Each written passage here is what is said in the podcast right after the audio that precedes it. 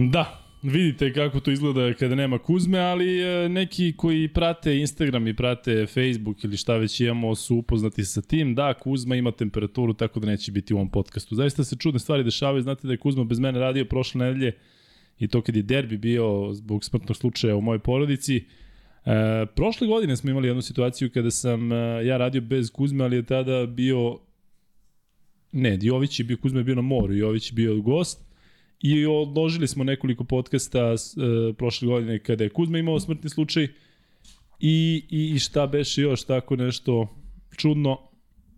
Da, nismo radili ono kada smo imali paklu nedelju pa smo peti podcast e, preskočili, to je neka druga priča. I eto, prošle nedelje pet podcasta, a ove nedelje samo dva. Dakle, ovo je prvi, e, a drugi redovani u četvrtak nećemo raditi u petak zato što i Zvezda i Partizan igraju u četvrtak, tako da nadamo se da će nam Kuzma tada biti zdravi i siguran sam da će biti tu sa nama. Bilo je jednostavno e, prekratko, pre, malo, premalo vremena da bismo našli nekog gosta kao neku alternativu, ali eto, vidjet ćemo kako ćemo se vi, ja i Vanja snaći sada bez Kuzme, a on ako sluša, um, rekao da će otići ranije da spava, ali čuće vjerojatno sutra, tako da zna da mu želimo brzo poravak e, i eto, možete da, ga, da mu pošaljete neku lepu poruku na Instagram, znate da je on admin naše stranice i našeg Facebooka i našeg Paypala i našeg Patreona, to može da ga sigurno malo ovaj, podigne te neke donacije. A kad smo već kod donacije, Vladan Miladinović je donirao i kaže ovo je od onog stavljam sve pare na Makabi protiv Valencije pa dobitak na Partizan pozdrav.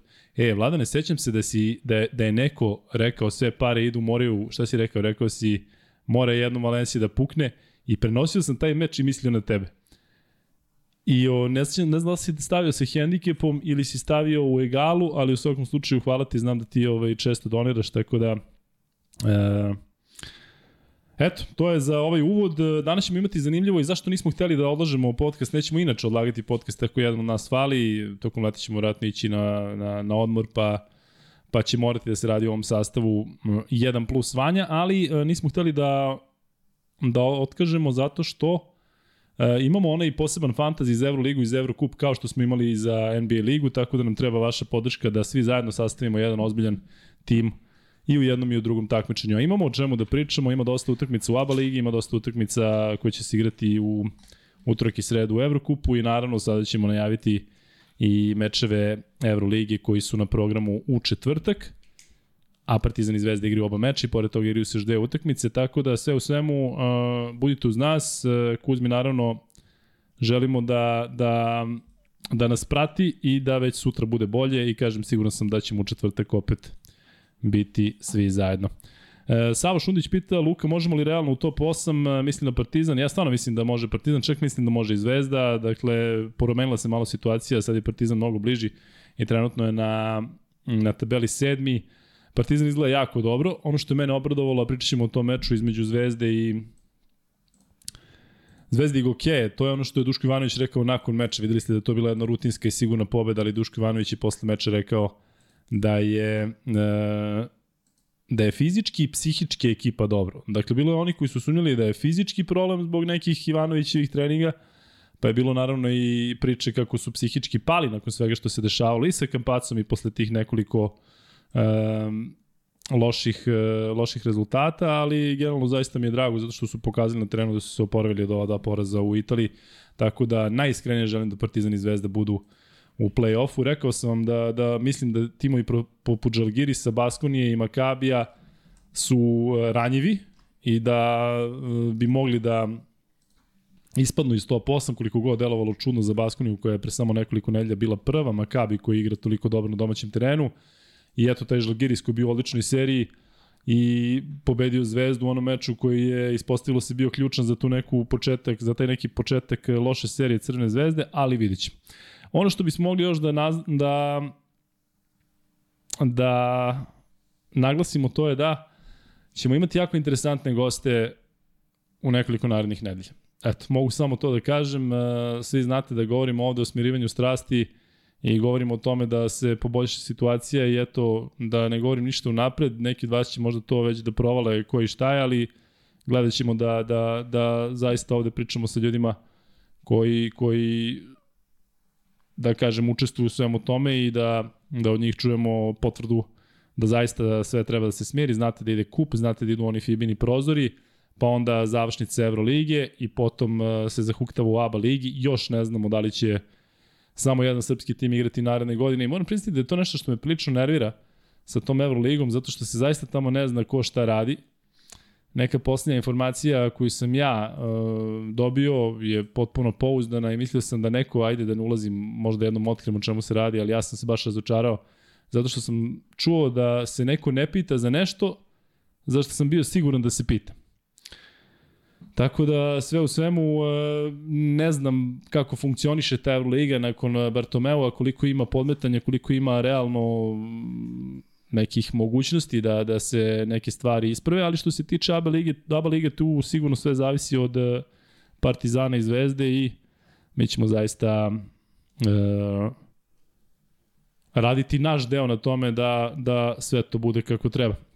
Vanček je tu sa nama, Vanček, imaš nešto da poručiš publici sada kada našim gledalcima sada kada ćeš imati malo jaču ulogu nego inače? Pa nemam, nek sednu, nek uživaju narednih 2 i po 3 sata u kvalitetnom programu. 2 i po 3 sata bez Kuzme. Pa znaš ti da Kuzma u 3 sata potroši 2 sata i 15 minuta, onda ja i ti, onda ja i ti malo pričam o NBA ligi i on pomeni Minnesota i onda to krene u tom pravcu. I to je to. Ali, tako je.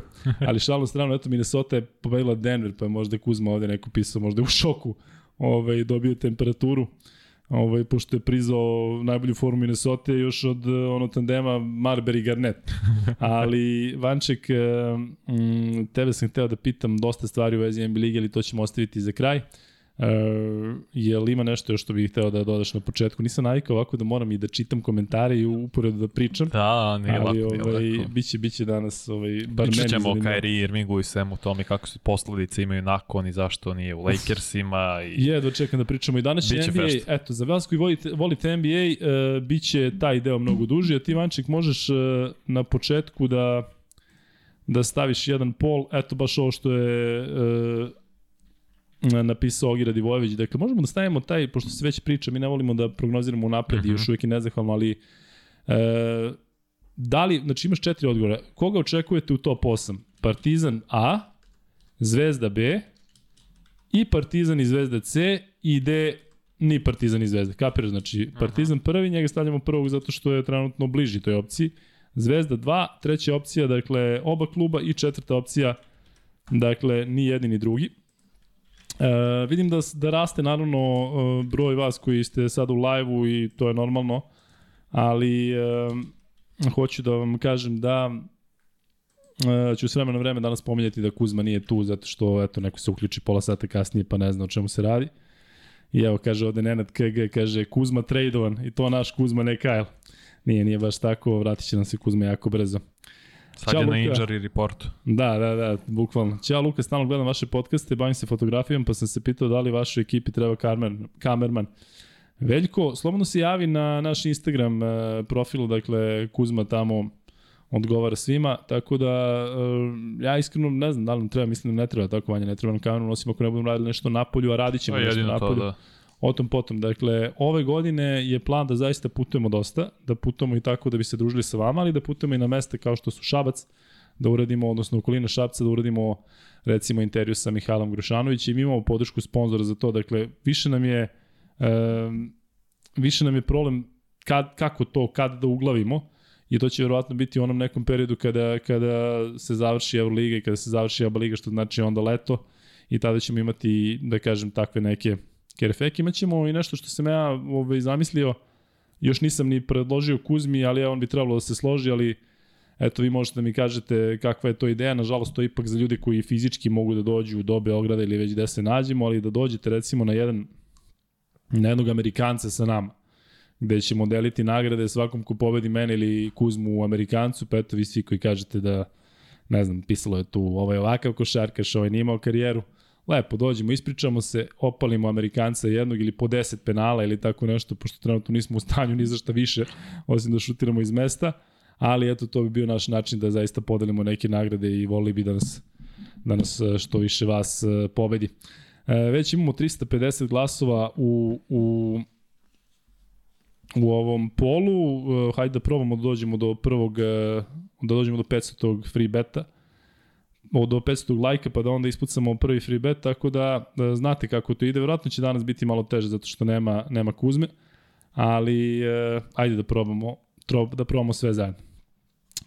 E, Milan Jeftić donira iz e, Švedske. Milane, hvala ti puno. E, zaboravio sam iz kog si grada, ali kad odemo u Švedsku, bato, pa kad tamo krenemo u turneju, znači to će biti ludilo, kad krenemo da obilazimo redom ove, sve vas, e, znamo da ima, čak i bilo i sa Islanda, ali Norveška znamo, Švedska pre svega, bilo je čak nešto i iz Danske, ako se sećam čak i iz Finske, ali onako ipak je baza Švedska. Severnoevropska turneja. Da, da, eto, to bi mogli leti, zašto nema smisla da radimo da radimo u bilo koje drugo doba. Elem, što se tiče ovih mečeva ABA ligi, Vanček, imaš ti nešto da dodaš pre nego što krenemo? Da, ne, cepaj paku i imam, dobacit ću. E, može da ugasiš ovaj pol pa ćemo da ubacujemo što više pol, polova, da vidimo šta ljudi kažu, da li je onako kako ja mislim. Da, evo, samo 18% kaže oba tima, što bih ja volao. Ni Partizan i Zvezda 17%, a 50% kaže Partizan Crvena Zvezda 12%. E, ponavljam još jednom, dakle, u narednom periodu će biti jako, jako zanimljivo što se tiče gostiju. Znamo da smo vam ostali dužni neki goste, ali nismo hteli da dovodimo bilo koga u nekom trenutku kada igraju Partizan ili Zvezda ili kada se dešava nešto baš aktualno, pa da onda skrećemo sa tih tema, zato što mislim da bi bilo kontraproduktivno, ali eto, opet sam vam otkrio iz kakvih tabora očekujemo da budu gosti, možda već narednog ponedeljka. I još jednom da vas podsjetim da u četvrtek radimo uh, posle mečeva Partizana i Zvezde. Zvezda igra protiv Makabi u 8 i 5, a Partizan igra u 8 i 30 protiv Bayerna u Minhenu i posle tog podcasta redova naš termin u četvrtak. U petak ne radimo zato što nema potrebe, tako da eto, to će biti prilika da i Kuzma dodatno odmori, tako da nema šta. Luka Milenković kaže ovde šta je sa Lukom. Sa Lukom nije ništa, ali e, Kuzma nam fali zato što ima temperaturu.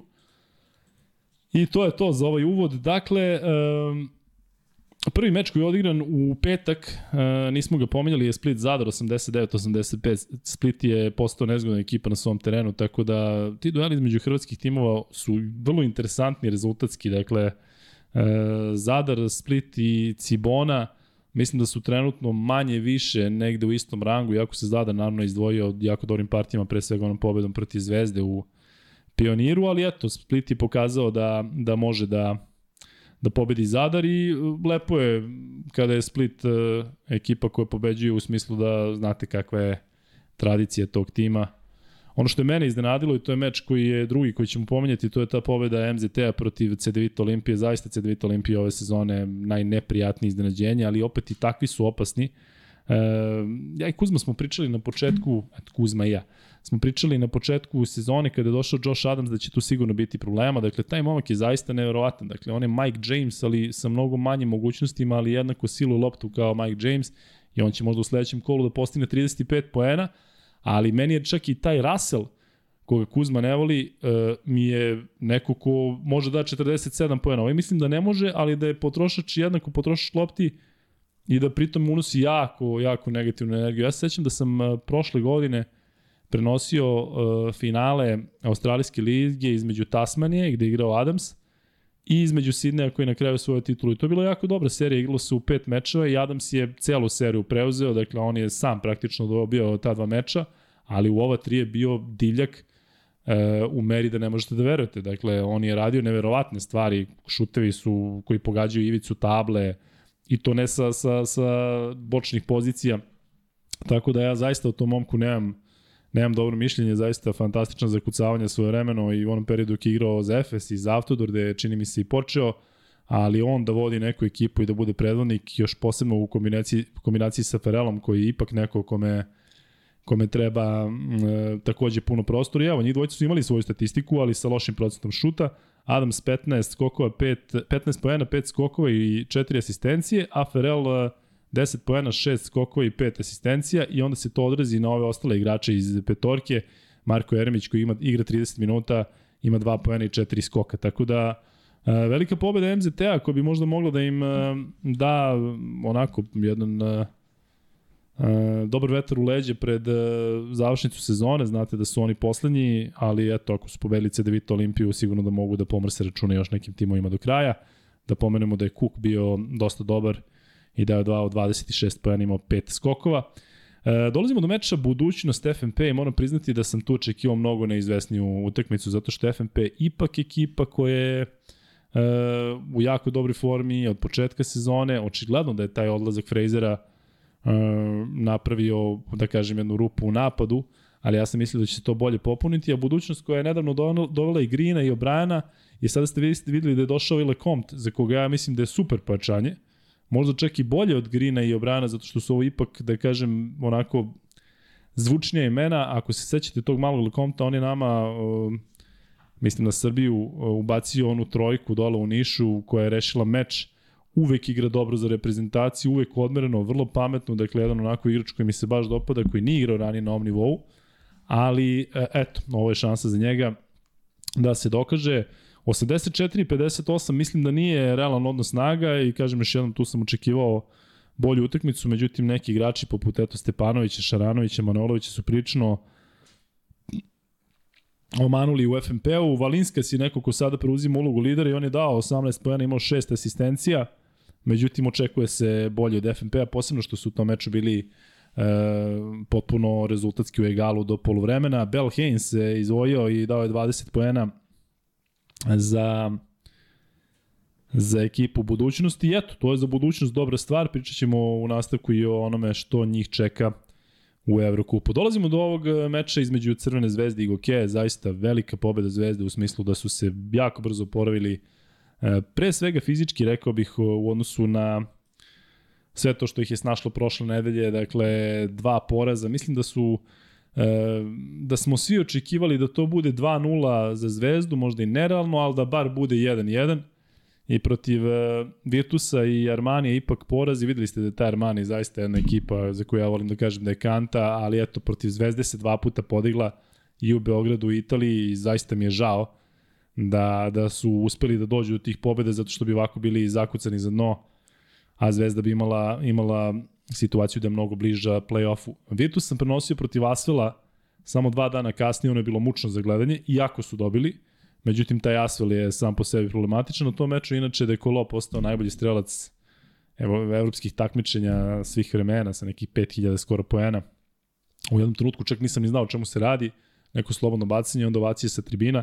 Znao sam da nema veze samo sa Euroligom, Ali eto, Dekolo je pokazao zaista da je majstor, ali što se tiče Virtusa, uh, oni bez Teodosića koji ne igrao na tom meču u napadu, vrlo, vrlo onako problematični, onda su, mogu reći, dobili to neiskustvo pojedinaca poput Heketa, Šengeli i ostalih igrača koji su igrali u, u Euroligi, ali vratimo se o meču između Zvezde i, i Gokeje, dakle, Kampacu naravno u centru pažnje kad god igra Zvezdu u ABA ligi, zaista je strašno to što se desilo da ne može da igra u, u u Euroligi, s obzirom na to da, da uvek ćemo se svi pitati kako bi to izgledalo da je on bio tu i Zvezda, ne daj Bože da ne uđe u top 8, e, mislim da će svi opravdano da krive Euroligu zbog toga što Kampaco, Kampaco nije dobio priliku da igra eto, skoro 3 meseca.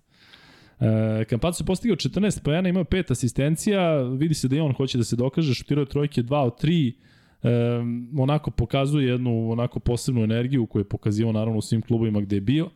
E, Stefan Lazarević 27 e, minuta i praktično bez, e, bez nekog ozbiljnijeg učinka, 0 poena, 3 izgubljene lopte, Stefan ponekad igra zaista u grču, Vilosa 13 poena, Vilosa bio maksimalan, dakle 1 od 1 za 2, 3 od 3 za 3 i 2 od 2 sa penala i seto, samo da se nadamo da će se to nastaviti i u Euroligi. I Branko Lazić 5 poena za 10 minuta. Igrao je manje nego što igra inače i eto postigao je um, tih pet poena, a što se tiče Dobrića, za njega mislim da najbitnije, ne samo za njega, nego i za Zvezdu, što je pokazao ipak da, da te neke loše partije su i za njega. Nije naravno i Gokeja bilo kakav kriterijum za ono što, ili parametar što će se dešavati u narednim nedeljama, ali 14 poena Ognjena Dobrića i ono što je najzanimljivije, najbolje za njega, to su te četiri trojke iz šest pokušaja Nikola Ivanović još traži formu 11 minuta bez e, poena, dakle vidi se da je on sada u potpunom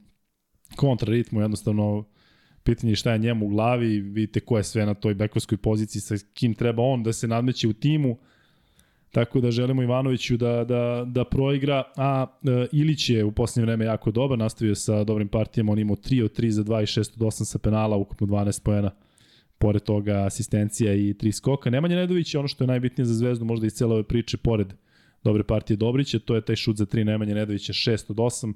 Dakle, mislim da ga nije pokolebalo sve to što se dešava i brojne kritike koje stižu sa svih strana, ali mislim da čak i mi ovde kada pričamo o Nedoviću zaista želimo mu da što pre izađe iz krizi i da počne uh, zaista da počne da bude ono što smo očekivali od početka sezone, to je da bude lider, a na ovom meču imao, ja mislim, prvi put možda ove sezone veći broj poena nego odigranih minuta. Stefan Marković je bio na parketu 7 uh, minuta i uspio da upiše šest asistencija, nije ni jednom šutirao. Zaista Stefan je neverovatan, koliko god možda nekome delovalo da to slabiji šut ili ne znam šta, ali uh, skoro jednak broj minuta i asistencija. Ovdje Kuzmić dvocifren, toga nije bilo dugo, 5 od 5 za 2, Petrušev 12 poena, Petrušev koji je imao pored toga i 10 skokova, tako da je imao double-double učinak e, za 25 minuta na terenu i Bentil koji je igrao manje, 12,5 e, minuta i za to vreme dao jednu trojku, dve je promašio, imao je i tri izgubljene, tako da Bentil opet nesiguran e, protiv Armanija. Čini se da je imao poseban motiv zato što je igrao protiv bivše ekipe gde je često bio onako među poslednjim igračima u rotaciji na nekim mečima Euroligi prošle godine nije ni nastupao protiv Zvezde u Beogradu bio jako dobar. Ali tu je želeo da se dokaže i dokazao se, ali i dalje mislim da je problem sa Bentilom u Zvezdi. Vanček, ti možeš da staviš e, sada pol e, možda staviš pol e, da li mislite da Holland treba da se vraća u tim zvezde? Dakle, ne govorimo sada o odlusku iz kluba, već vidite da on u 12 nije bio ni u Italiji, nije bio ni, ni sada, tako da samo staviš odgovore da ili ne. Da li mislite da Holland treba da se vrati u zvezdu? Ili u sastav? U sastav, u sastav. Može onda da doprinese na, na trenizima, međutim mislim da je da je taj momak jedno od većih jedno većih promašaja, a bilo ih još, nažalost, u timu Zvezdi. Onda se zapitate samo kako bi izgledalo da, da je neko bio uspešan. Ja zaista želim da Hasan Martin, kada se vrati, bude na visini zadatka i da da svoj doprinos, da pronađe svoje mesto u timu. Ne možete da Hasana Martina očekivati ne znam kakvu statistiku, ali momo koji može da doprinese u odbrani, koji je vrlo snažan, koji je u napadu korisniji mnogo pod košem od Bentila, pritom je Levoruk, pričali smo o tome ovde često, koliko može da bude, da bude nezgodan za čuvanje. Ali eto, njega smo očekivali e, možda i e, u prethodnim kolima Euroligije, još uvek ga nema, nije ga bilo ni protiv i ok. I eto da se nadamo da će se što pre vratiti, ali e, sa Martinom, sa e, Kampacom pre svega i sa nekim igračima koji podinu formu, Zvezda zaista može da se vrati na onaj put na kojem je bila kada je došao Duško Ivanović i kada su zaista bili ozbiljna snaga u Euroligi, sada posle ovih nekoliko poraza mislim da se njihova E, ne samo situacija, već kako se gleda na njih, mislim da je potpuno drugačije i zaista mi je žao što, što bar jedan jedan e, meč nije dobio u Italiji. E, Luka, da li misliš generalno da je Zvezda imala više promašaja što se tiče stranaca u poslednjih 20 godina? Pa ova sezona je um, ova sezona je jako um, čini mi se specifična po tome da mislim da je, da je najgori izbor stranaca ikada, barem kada govorimo o onima tokom leta. Ne zaboravite da je tu bio i Adams, od koga sam prvi ja očekivao više, momak zaista osim protiv MZT-a, mislim. On je pobedi kada je dao 16 poena, mislim da ništa više nije odigrao. I koliko vidim, taj momak, ja mislim da i dalje nema klub. I čudno mi je da tako neki igrači nemaju klubove, dakle,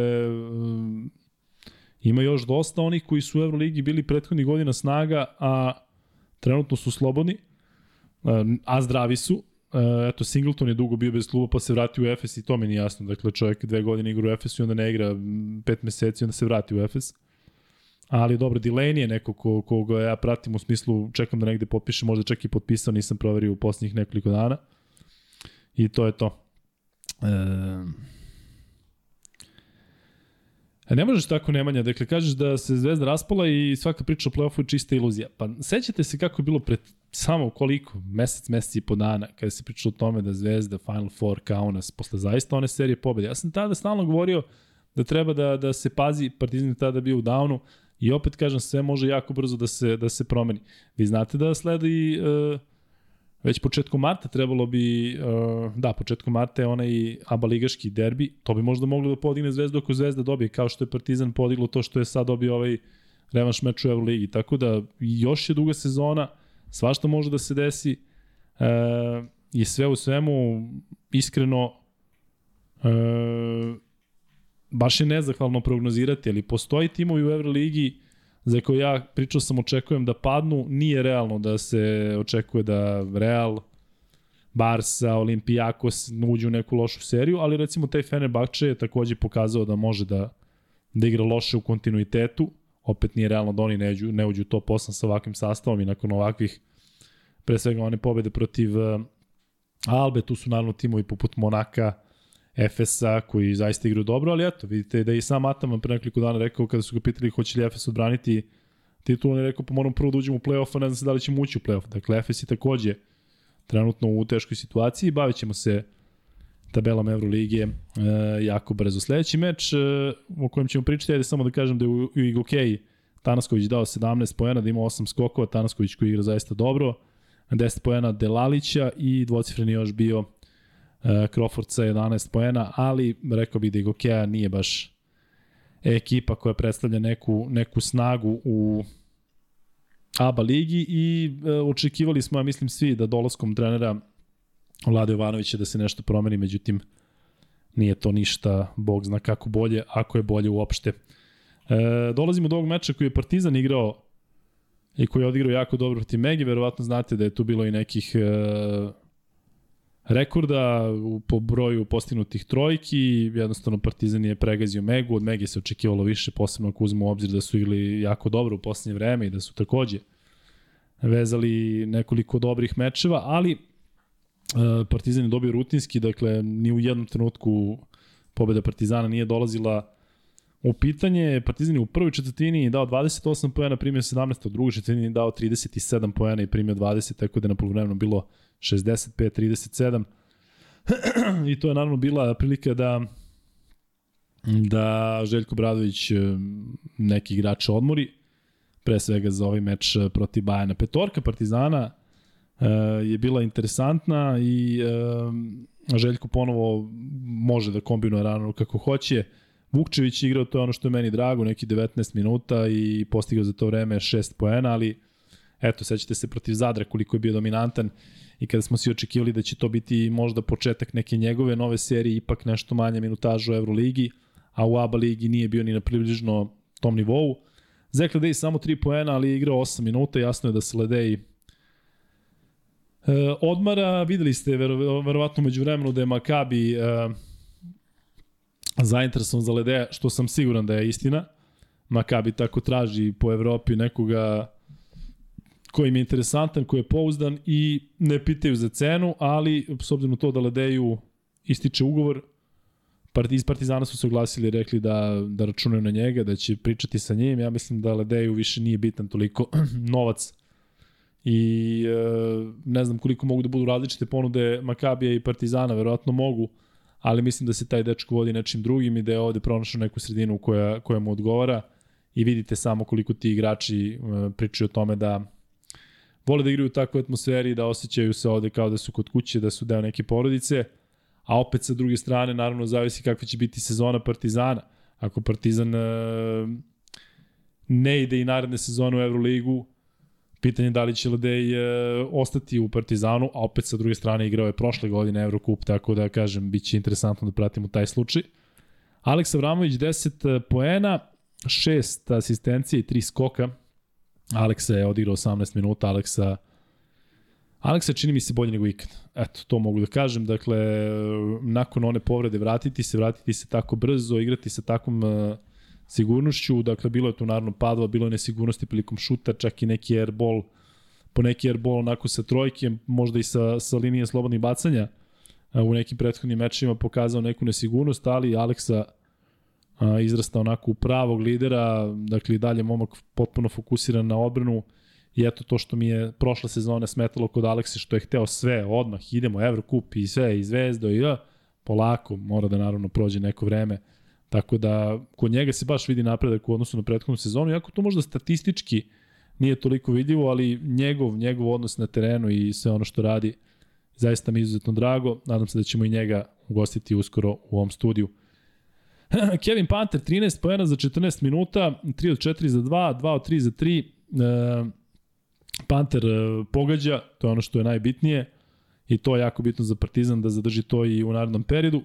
Alen Smajlagić 13 poena i 6 skokova za 21 minut na terenu. Alen, e, mislim da ga ono zakucavanje p, preko Lanovasa i one dve trojke protiv Žalgirisa da bi mogli da budu onako klik kod njega i da zaigra sa mnogo više sigurnosti. Sećate se da je recimo u nekim prethodnim mečima imao mnogo promašenih zakucavanja, dakle dečko jednostavno želi možda više nego što u tom trenutku može.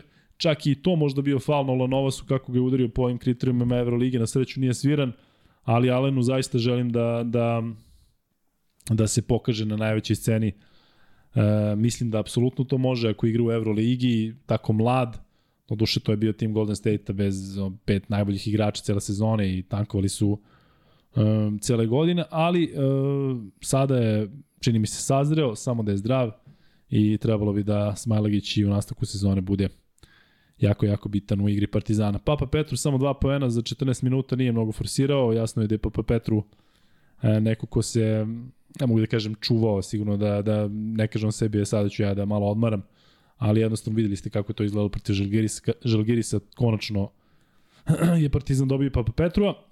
Exum nije igrao, razumljivo, igrač koji se mnogo troši u prethodnim mečima, dakle potpuno očekivana odluka. Naneli je pogodio četiri trojke iz četiri pokušaja, Naneli sve sigurniji. Znate da je on imao problem sa samopouzdanjem u jednom delu sezone, pa nije igrao na nekim mečima Euroligije. Tu je, zdravije, precizan je, samo da se tako i nastavi. Lesor je bio na terenu 15 minuta, 9 uh, poena, 5 skokova i što je meni najinteresantnije, 4 asistencije. Lesor sve bolje se snalazi tako kada kada ga udvajaju, međutim velika razlika između ABA ligi i Euroligi, vi možete da obratite pažnju da u Euroligi sada toliko skuplja odbrana kada Lesor dobije loptu, pritom on nije igrač koji uh, leđima može da zida pa da napravi nešto, dakle znate da on uh, mnogo bolji kada je bliže košu i kada dobije loptu i ne mora da je spušta u dribling bez, bez obzira da li je okrenut leđima ili licem. Uh, E, nije to neka najbolja tehnika na svetu, ali znate koliko je Losor opasan, koliko je željan, koliko je ima energije, tako da samo da je zdrav, isto kao za Smajlagića, jer ne smem da pomislim šta bi se desilo da, da, da se Lesor povredi. Uroš Trifunović je košarkaš koji imao najveću minutažu u Partizanu, 30 e, minuta, 5 poena, Uroš je šutirao 1 od 5 za 3, ali neka nek nameštao ruku na nekim bitnim mečima, važno je da, da je Obradović zaista rekao nešto što ni za jednog igrača nije rekao ranije, a to je da ovom dečku najviše veruje i da je on napredovao, to vidimo svi, tako da Uroš je možda i najveći dobitak Partizana ove sezone. Ono što mene raduje, to je partija Danila Andjušića, 13 poena, 5 asistencija, Danilo je dao 4 trojke i 7 pokušaja, videlo se da je on siguran, Dakle, u dvorani Ranko Žerovica nekako mega je zvanično bilo domaćin, ali ipak neko vezuje se ta dvorana za Partizan i zbog tradicije i zbog istorije i zbog svega. Tako da je Andjušić, kad god sam video da se podigao na trojku, onako bio prilično siguran da će da uđe. Ja to ukupno je dao četiri. I Jama Dar, 15 poena, bravo za Jama, 4 od 6 za 2, 2 od 2 za 3, 1 od 1 sa penala, 3 asistencije, ono što se meni najviše dopada u njegovoj statistici, to su te četiri ukradene, Avramović, tri ukradene, to su ti playmakeri koji vam prave problem. Ponovo se vraćamo na to što je ovde trener FNP-a u studiju govorio kako je bilo pakleno za njegove igrače prošle sezone kada Avramović igra taj pressing i kada igra agresivnu odbranu, koliko je teško preći u polje protivnika i kažem u kombinaciji Aleksa i Madar to ja mislim da mora da napravi svakom protivniku problem na bekovskoj poziciji i volao bih zaista koliko god možda i kod jednog i kod drugog, a možda više kod Madara, da to možda bude na račun napada. Dakle, Partizan može da živi bez šuteva Jama Madara, preživeće. Aleksa, Aleksi ni šutevi su sigurno potrebni, ali njih dvojica su uh, kod mene u glavi onako specijalisti za odbranu i specijalisti za odbranu i tu bi mogli da da onako pokažu sa svoj potencijal. E, to je to što se tiče igrača Partizana. Iz Megije da pohvalimo naravno malog e, Đurišića. Ja to momku zaista želim da da krene stopama. Pa ne mogu da kažem e, Nikola Jović zato što Jović vidite da je povređen. ali e, ne mogu da kažem ni Gogi Bitadzea koji je iz Mege otišao u, u NBA ligu, međutim, eto, već koja treća četvrta sezona ne dobije šansu, a ne možemo naravno da ga poredimo ni sa Nikolom Jokićem, potpuno drugačiji tip igrača i nemoguće Jokića porediti sa bilo kim. Ali, eto, 17 pojena Partizanu pokazuje da može da bude veliki i u bitnim utakmicama. Sećam se kada sam bio za zapisničkim stolom na tom Adidas Next Generation turniru, kada je Mega osvojila uh, titulu u ozbiljnoj konkurenciji, dakle tim od 18 godina gde su bili i Zvezda, i Asvel, i Insep, i, i Makabi, e, i Real, uh, još neki najbolji evropski timovi u tim uh, u toj konkurenciji.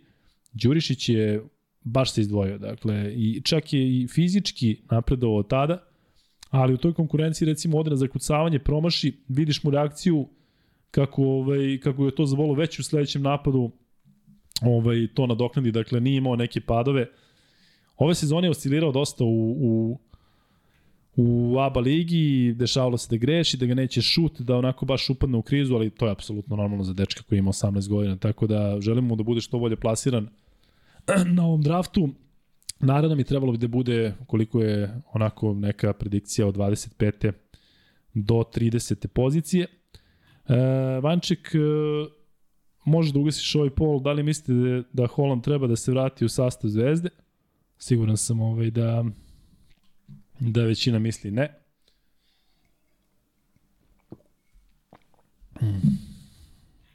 Je pravo se. Da, 65% misli ne. E, Luka, šta misliš o Vanji Marinkoviću, da li bi se uklopio ovaj Željko Partizan? E, pa možda u ovaj tim čak i ne.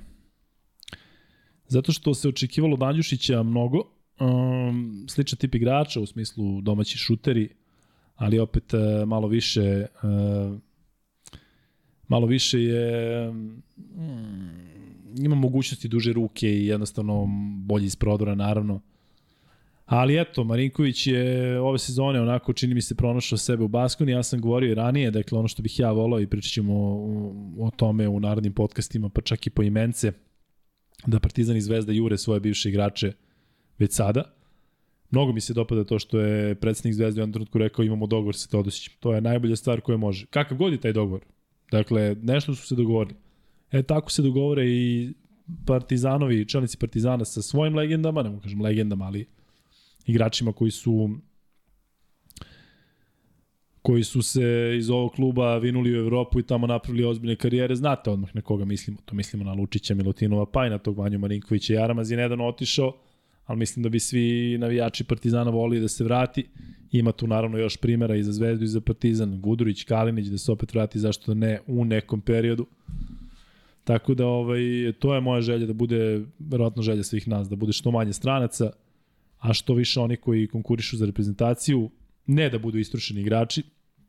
Ja recimo mislim za Teodosića da nikad neće biti istrošen, da će on sa 40 godina, vi znate da njega nikada nije krasila brzina, on će sa 40 godina biti u stanju da niti je ikada fizički bio ne znam koliko spreman da je prvi na treningu uh, i da posljednji, za, posljednji izlazi iz sale, jednostavno Teodosić ja mislim da bi mogu da igra IHH i da bude, da bude na ozbiljnom nivou i kažem vidi se koliko on sa eto koliko, 35 godina, 87, koliko znači ovom timu Virtusa.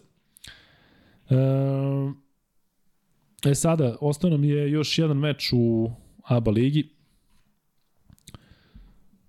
Ostalo su nam još dva meča praktično, ali ovaj drugi e, je trebalo da se odigra večeras, a nije. Za vas koji ne znate, borac e, protiv Cibone je zamolio da se odloži za 24 sata, tako da će se to igrati sutra utorak od 18 časova, zato što borac ima problem sa e, bolesnim igračima. Vidite zaista šta se dešava, eto i primjer Kuzme i oko nas i na sport klubu i verovatno svuda oko vas, malo malo pa neki snomačni virus, malo malo neka temperatura, pa malo malo i neko ima koronu, ali verovatno je taj period, kažu doktori da je to zato što zima ovaj, je bila kakva je bila, pa su se virusi virusi su poludili, ali to je neka druga priča. U svakom slučaju čuvajte se, budite zdravi i nadamo se da će se ovaj meč naravno odigrati sutra. Poslednji meč je crnogorski, ajde da kažemo okrši derbi, 94-74, pobeda studentskog centra protiv Monara. Monar sa tim Russellom je zaista onako bio interesantan na startu sezone, sada su uh, manje interesantni. Uh, u ekipi studentskog centra, ponavljam, opet ima toliko mladih igrača i toliko nekih potencijalnih uh, i ozbiljnih igrača u reprezentaciji Crne Gore. E, taj mali Vučiljić nije mnogo igrao, ali gledao sam ga i prenosio sam ga na ovom prvenstvu letos do 18 godina. Mislim da momak ima zaista ozbiljnu, ozbiljnu karijeru pred sobom. E, praktično svi ovi domaći igrači su manje više mladi, ima tu i nekoliko Amerikanaca, ovaj Jackson je dao 10 poena, e, Tasić je uvek dobro kada Tasić odigra kako treba, Tasić je postigao 20 poena.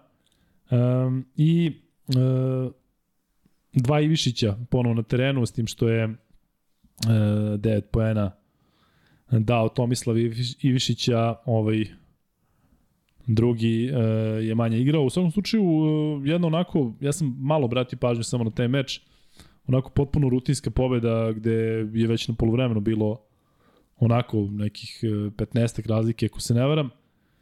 I što se tiče Monara, glas igra dobro, ali rekao bih da tu ima onako dosta onih koji su van forme. Od Pecarskog se očekivalo više, on jeste dao 12 pojena, imao 4 skoka, ali svi znamo da je Pecarski bio u toj generaciji sa Petruševim i, i Ilićem, čak i Kuzma često priča o tome da je on onako bio neko ko se izdvajao, eto vidite gde su sada ova dva igrača, gde je Pecarski, da se nadamo da će taj momak e, biti bolji u nastavku sezone.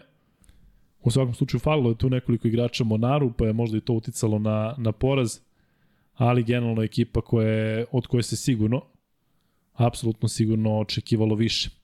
Tako da to su ti mečevi koji su odigrani uh, u ovom kolu ABA ligi, još jednom da vas podsjetim, dakle Borac i Cibona treba da igraju sutra, ali ne mislim da će to bilo šta nešto značajno promeniti na tabeli. A ta tabela izgleda ovako. E, na prvoj poziciji je Partizan sa skorom 16-2, Zvezda je druga zato što ima utakmicu manje i poraz manje, dakle 16-1. Taj derbi u ABA ligi e, kada Partizan bude domaćin će biti možda i nešto što će odlučiti sezonu, odnosno regularni deo sezone ko će biti prvi na tabeli. Budućnost 12-6 kao i FNP, zato je taj meč e, bio jako bitan i za jedni i za drugi. CD Vita peta sa 12-5, ali sa tri vezana poraza pre MZT-a izgubili su od budućnosti ubedljivo na svom terenu, a znate da su protiv Zvezde pružili dobar otpor, ali da su izgubili u Pioniru.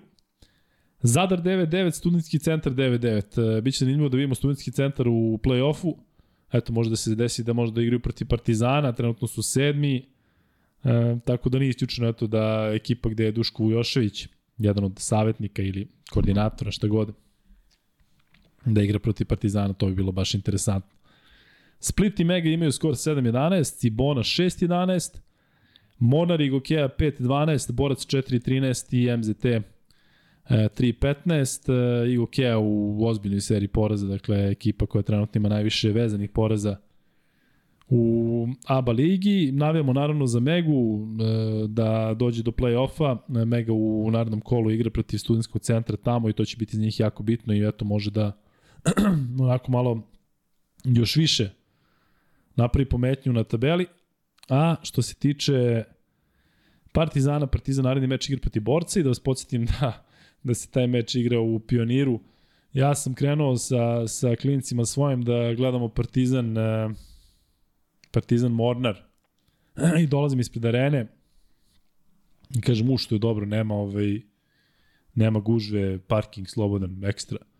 Preko možda će biti manje ljudi, prilazimo u areni ono mračno i nisam ovaj, skapirao, odnosno nisam ranije pročitao da je Partizan e, da će protiv Monara i Borca igrati u, u, u areni, tako da nemojte se zeznuti kao ja, Partizan protiv Borca 12. igra igra u Pioniru i posle toga sledi dakle taj kup, još uvijek ne znamo ko će igrati na tom kupu, odnosno da li će sve biti kako treba, nadamo se da hoće i o tome ćemo pričati kao što sam rekao i u našim narednim emisijama. Što se tiče Crvene zvezde, naredni protivnik biće Zadar tamo. Vrlo nezgodno gostovanje, kao i uvek e, srpskim klubovima pre svega kada idu tamo, znate da Zadar ima onako poseban e, posebnu publiku i poseban motiv kada igraju protiv Zvezdi i Partizana, posebno kada se igralo svoje vremena u Jazinama u onoj maloj akustičnoj dvorani. Ali sećate se u prošlosti da je bilo i nekih pogodaka u poslednjoj sekundi, ja se sećam ono Romeo Trevis, sećate se kao Romeo Trevis, Vančik, ono što igrao sa Lebronom u petorci, pa je dao valjda koš Partizanu za pobedu, pa se onda i Lebron onda oglasio na Twitteru kao bravo Romeo, kidaš. Da, je igrao u srednjoj sa Lebronom? Da, da, u srednjoj. Da, da, St. Vincent, St. Mary, oni. Dakle, ali, ali je došao, ali je došao naknadno, pa nije hteo ni sa kim da priča, pa su se onda povezali. Znaš da je bila ta, da, ta da, priča da, da, je oni su kao tako. došao, pa je kao nešto bio sav svoj, ali su se onda sklopili, znaš da Lebron nije izgubi nijednu utakmicu u svojoj high school karijeri, tako da ovaj... Ne znam da nije, mislim možda u, u četvrtoj godini. Ne znam da li je kroz celu high school karijeru. Ja, mislim da je kroz celu. Da? Pa, Mislim, sigurno, ubeđu se da je u četvrtoj godini da nisu nijedno U četvrtoj izgubili. sigurno, da. Pa moguće, moguće da je to ta generacija. Ove, e, u svakom slučaju, ono što je sigurno, to je da će Jaba Liga biti jako, jako zanimljiva. Ne na vrhu tabela, gde će se Partizan i Zvezda boriti za prva dva mesta, odnosno za prvo mesto. Ali rekoh, eto vidite i sami koliko tu ima timova koji imaju sličan skor. Budućnosti FNP imaju skor, Cedevita ima 12-5, a ovi klubu imaju 12-6, Cedevita ima tu utakmicu manje koju treba da odigra. E, a Zadar protiv Zvezde, tako? A Zadar i Studentski centar imaju 9-9, pa Split i Mega imaju 7-11, Mornar i Gokeja imaju 5-12, dakle velika borba će se tu voditi i za opstanak i za playoff. I moram priznati da mi se mnogo više sviđa ovaj format uh, da osam ekipa ide u, u playoff, a ne šest kao prošle godine. Možda staviš taj pol da vidim šta ljudi kažu. Mm -hmm. um, da li vam se više sviđa format od, prošle, od ove ili prošle godine kada je reč o play-offu ABA lige i onda stavi uh, sa osam ekipa u, ili sa šest ekipa u play-offu. Dobro. Da li vam se više sviđa da u ABA ligi u play-offu Koji, ili, igra... koji format ABA lige vam se više Nije, sviđa? nije, pa može tako da. I onda stavi sa osam ekipa ili sa šest ekipa, ali naglasi da je play-off. Uh -huh. Uh, vidim da, ne, Marko Jeremić uh, kaže da je poslao i igrači tabelu na, na Viber. Poslao je, dakle, Da, pa već sam pro- prosledio sam uh, Vanji uh, prosledio sam Marku Vanji ove igrače, samo mi napiši da li je bilo promena, piši mi na Viber zato što je to ono što što si mi poslao pre neki dan. Sa osam timova i sa šest? Da. Ili, da, okej, okej. Da, to znate ako vi koji ne znate, dakle sad se igra naravno prvo 1-8, 2-7, a prošle godine je bilo da, da igri od treće do šestog mesta timovi. Ovo je mnogo bolje i zanimljivije. E, evo pitanja koje kaže da li Luka misliš da će biti iznenađenje u ABA ligi u play-offu? Pa ne mislim da iko može da ugrozi Zvezdu i Partizan. Pa čak i ovi meči pokazuju kolika je to razlika, jer kada očekujete da nešto bude derbi kao recimo ono između budućnosti i Crvene zvezde dole, to je zaista o, o, ogromna, ogromna razlika. Opet kažem, ne znate šta će se dešavati u nastavku sezone. Možda bude nekih povreda ključnih igrača u nekim timovima, pa se možda neke stvari promene, ali ako govorimo da su timovi kompletni ili skoro kompletni, mislim da Zvezda i Partizan su dominantni u ABA ligi nego ikada ranije. Znate da dugo godina Partizan nije igrao ni finale ali sada su se stvari promenile i realno ako neko može da ugrozi Zvezdu i Partizan, to je ta budućnost ili eventualno ta Cedevita, ali vidite kako igra Cedevita, budućnost je najavila još jedno povećanje, E, koliko sam čuo, dakle, ne znam ko bi mogao da dođe posle Lekomta, ali eto, to je potpuno drugačija ekipa u odnosu na početak sezone. Ono što je Kuzma rekao, i o čemu stalno govori, to je da dole ne vole baš toliko stranaca, ali eto, sastavljaju neku ekipu koja bi mogla potencijalno da pa da pre svega možda u Evrokupu mislim da njima nije toliko ABA liga, mislim da su svesni da kroz ABA ligu ne mogu da jure Evroligu, a ne znam ni da li interes da budućnost igra Evroligu, ali mislim da u ovakvom Evrokupu budućnost ima svoju šansu da dođe, eto, do četvrt finala ili daj Bože polufinala, ako proigraju, Uh, biće zanimljivo. Vidite da, da su, i o tome ste vi ovde pisali često, da su zadržali Vladu Jovanovića, što je tokom ove turbulentne sezone, rekao bih, uh, za pohvalu, dakle, ni prošle sezone nisu menjali trenera, tako da to je, to je nešto što je što bi trebalo da da rezultat. Sada se malo tim izmenio, ali eto, veruju svom treneru, to je uvijek pozitivno što se tiče kluba.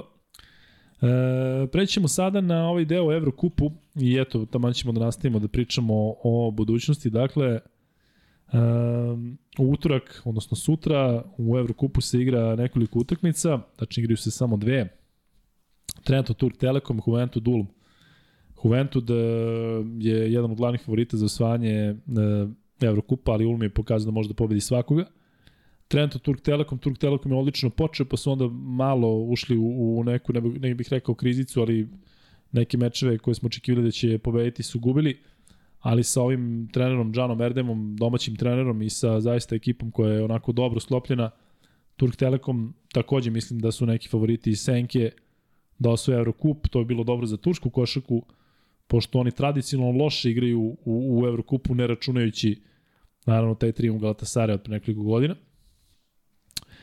Eto da pomenemo da se igraju mečevi u Ligi šampiona, da Rušafaka Mursija, Ajax Limoges, Hapoel Strasbourg i Tenerife Bilbao, s tim što um, videli ste i verovatno ste čuli šta se de dešava u Turskoj, da su bili ti razorni zemljotresi, da ima mnogo i poginulih i povređenih, tako da je realno uh, vidim da ovde vi pišete da su neki mečevi već odloženi, da Fenerbahče i Efes ne igraju mečevi u Euroligi, pa eto, ne znam, Turk Telekom igra protiv Trenta u gostima, ne znam da li će možda to da bude odloženo kao neka vrsta solidarnosti da, da je taj turski tim ne igra.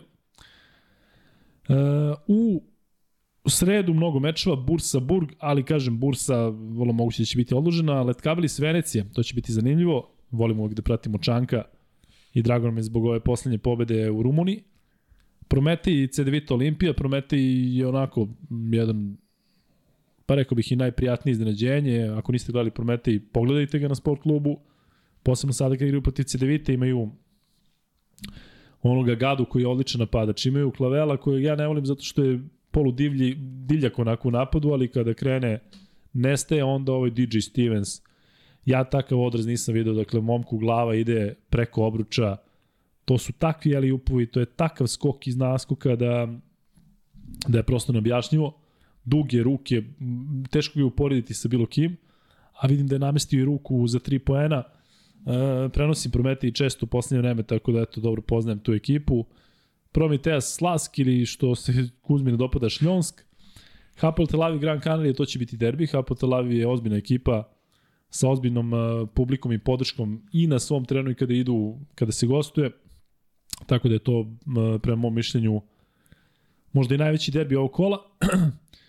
Breša Kluž, uh, London, Hamburg i Pariz budućnost. Dakle, jako bitan meč za budućnost. Pariz je jedna ekipa koja igra na koš više, dakle oni primaju, daju, primaju 100 poena, Amar Gegić igra tamo i e, pronašao je neko svoje mesto i oni imaju malo problema sa povredama. Nije na ovom posljednjem meču igralo nekoliko igrača, ovaj Olman je čini mi se povređena e, i onaj Begarin koji je jedan od talentovanijih igrača iz to, te generacije čini mi se 2001. E, Iz Francuske je takođe nešto bio povređen, ali eto, to je šansa za budućnost. Vidjet ćemo kako će izgledati taj meč. Eto, vi koji volite da se kladite, možda bi tu mogli da odigrate neki plus, zato što, evo, kada kliknete na Pariz, evo kako igraju oni u poslednje vreme, prenosio sam protiv Gran Canaria meč, dakle, to je neobjašnjivo. Kakav je to ritam koji oni forsiraju, a ne ide im u smislu jednostavno primaju ogroman broj poena, protiv Monaka su primili 103 poena sada za vikend, Protiv Gran Canaria 118-99. Prosto nevjerojatno kako je to izgledalo. Dijon ih je pobedio 99-88, dakle e, tamo krajem januara, tako da vidjet ćemo kako Pariz kako će Pariz izgledati. E, za CDVita Olimpiju mislim da je možda prošao i poslednji voz da se priključe u borbu za play-off, zato što su trenutno poslednji deseti u grupi A sa skorom 3-10 a Jurelet, Kabelis i Bursu i Brešu. Dakle, to su timovi koji su na pozicijama 6, 7 i 8 sa 6, 7. Tako da e, Bursa u poslednje vreme igra slabo, vezali su tri poreza, e, Breša onako gore dole, ali Letkabelis je vezao dva triumfa i mnogo je realnije da Letkabelis bude e, u play-offu, posebno iz ovog sada ugla. A u ovoj drugoj grupi gde je budućnost, budućnost i Pariz imaju skoro 8-5. Zato je taj uh, meč jako bitan i to je praktično direktna borba za četvrto mesto, jako u Evrokupu ima da se igra još uh, uh, pet kola ukupno, ali ko dobije ovaj duel, bit će mnogo bliži toj toj četvrtoj poziciji, mada sećate se da je Paris dobio sa nekoliko razlike budućnost u Podgorici. Tako da i to može da bude bitan, bitan faktor za, za stanje na tabeli. Trento i Šljonsk zaslužene ekipe koje su na pozicijama 9 i 10 i koje ubeđen sam neće igrati u play-offu, niti zaslužuju. Tako da mislim da i u jednoj i drugoj grupi je jasno ko će igrati u play-offu. Dakle, evo, sada ću to da kažem i ne verujem da će se promeniti, iako ima da se igra još, još tih pet kola. Dakle, Prometej, Juventud, Burg, Ulm, Venecija, Breša, Bursa i Letkabelis u, uh, u prvih osam u grupi A i Gran Canaria, Turk Telekom, Hapoel, Tel Aviv, Budućnost, Paris, Prometeas, London i Hamburg u ovoj drugoj grupi. Kada čitam ove timove i kada vidim ovakav Evrokup, ja zaista ne mogu da zamislim da Zvezda i Partizan igraju naredne godine Evrokup. Osim ako se nešto značajno ne desi u Evrokupu, pa se na neki način pojača ne samo Zvezdom ili Partizanom. Tako da ja moram priznati da me sve više plaši to što nemamo nikakav odgovor od Evrolige, a vidite da je tamo sve prilično konfuzno, dakle, kada bi došla neka informacija da se na računaju na Zvezdu i na Partizan, licence, šta god, uopšte me ne zanima, ali da sledeće godine i Zvezda i Partizan igraju u Euroligi, mislim da bi to pre svega bilo dobro za Euroligu, jer znate kakve, kakvu atmosferu prave i Zvezda i Partizan, a s druge strane, e, bilo bi manje tenzije u ABA ligi koja onda ne bi imala toliku težinu, posebno ta finalna serija koja je izvesna između Zvezde i Partizana. Tako da eto da se nadamo da će da će ovo što gledamo ove sezone gde su jedni i drugi u Euroligi da će to u stvari postati nešto što je normalno. Jel kažem e, ovakav Eurocup i Zvezda i Partizan sa slabim timovima nego sa ovim što što gledamo ove godine duplo slabim timovima bili bi među glavnim favoritima za za titulu. Meč Albi i Olimpijakosa igra se u okviru Euroligi u sredu, a onda u četvrtak, pored tih mečeva između uh, uh, Makabija i Zvezde, odnosno Bayern Partizana, igraju se još FS Real, to će biti jako interesantno, i Virtus Barcelona takođe još jedan odličan meč u najavi, tako da biće to zanimljivo veče u Euroligi. U mečima koji se igraju u petak, pričat ćemo u četvrtak, ja i Kuzma, nadam se ja i Kuzma ovde, ali ajde da kažem da se sastaju Fenerbahče Armani, Monaco Asvel, Žalgiris Baskonija i Panathinaikos Valencija.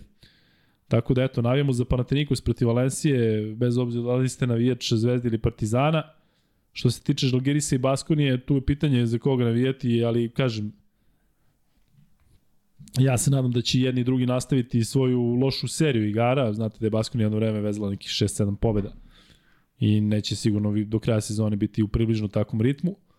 Monako igra dobro, Monako ima skup tim, tako da mislim da su oni favoriti protiv Asvela, a Fenerbahče protiv Armanija. Eto, Armani se malo podigao, Fenerbahče i dalje čeka Bjelicu i dalje čeka Džekirija, ali oni igraju mnogo bolje nego što to bio slučaj pre nekoliko nedelja. Što se tiče meča FS Real, dakle to je kao i ovaj duel Fenerbahčeja, pričam možda džabe zato što će verovatno biti odložen, ali uh, taj duel između Virtusa i Barcelone će se igrati sigurno. Kažu I... da je odložen, evo sad počeli da spamaju Nikola Ivković, vidimo Evroliga otkazala utakmice između FS i Reala, da. Fener, Armani, Bursa, Burg u Evrokupu. Dobro, dobro, to je, ja sam recimo pre nego što sam dolazio vidio sam na sport klubu da se razmišlja o tom. Znači stiglo izvanično, pa dobro i mora, pa, zato što ovi treba da putuju, tako da Eto, onda ovaj, nadokradit će se to sigurno. Zaista katastrofa to što se desilo u Turskoj, vidite da su zemljotresi i u Siriji, u Kazahstanu, da je bilo opet nešto i u Americi. Trese se zemlja, ratuje se, skaču cene. Dajte da pričamo o košaci da, dajte da pričamo o košaci da ne poludimo. Ovaj, tako da, eto, sada dolazimo do ovog uh, duela, uh, pošto Zvezda igra prva u četvrtak, pričat ćemo prvo o duelu Makabija i Crvene zvezde. Vanček, ti možeš da staviš pol. E, prvo da samo pročitamo šta se ovde desilo sa ovim polom. Dakle, koji play-off format u ABA ligi vam se više sviđa? Hoćeš da ugasi? Hm? Hoćeš da ga ugasi? Da, da, ugasi ga, da.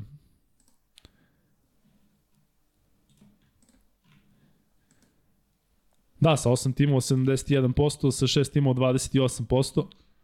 Um, Šta je sledeći pol? Um, sledeći pol, uh, da li, uh, ma da, samo da li očekujete pobedu Zvezde protiv mhm. Makabija? Dakle, nema šta, da ili ne. E, pitanje za Luku, šta misliš, da li je uticalo na kvalitet Evrokupa što su se neke ekipe odlučile da igraju FIBA ligu šampiona?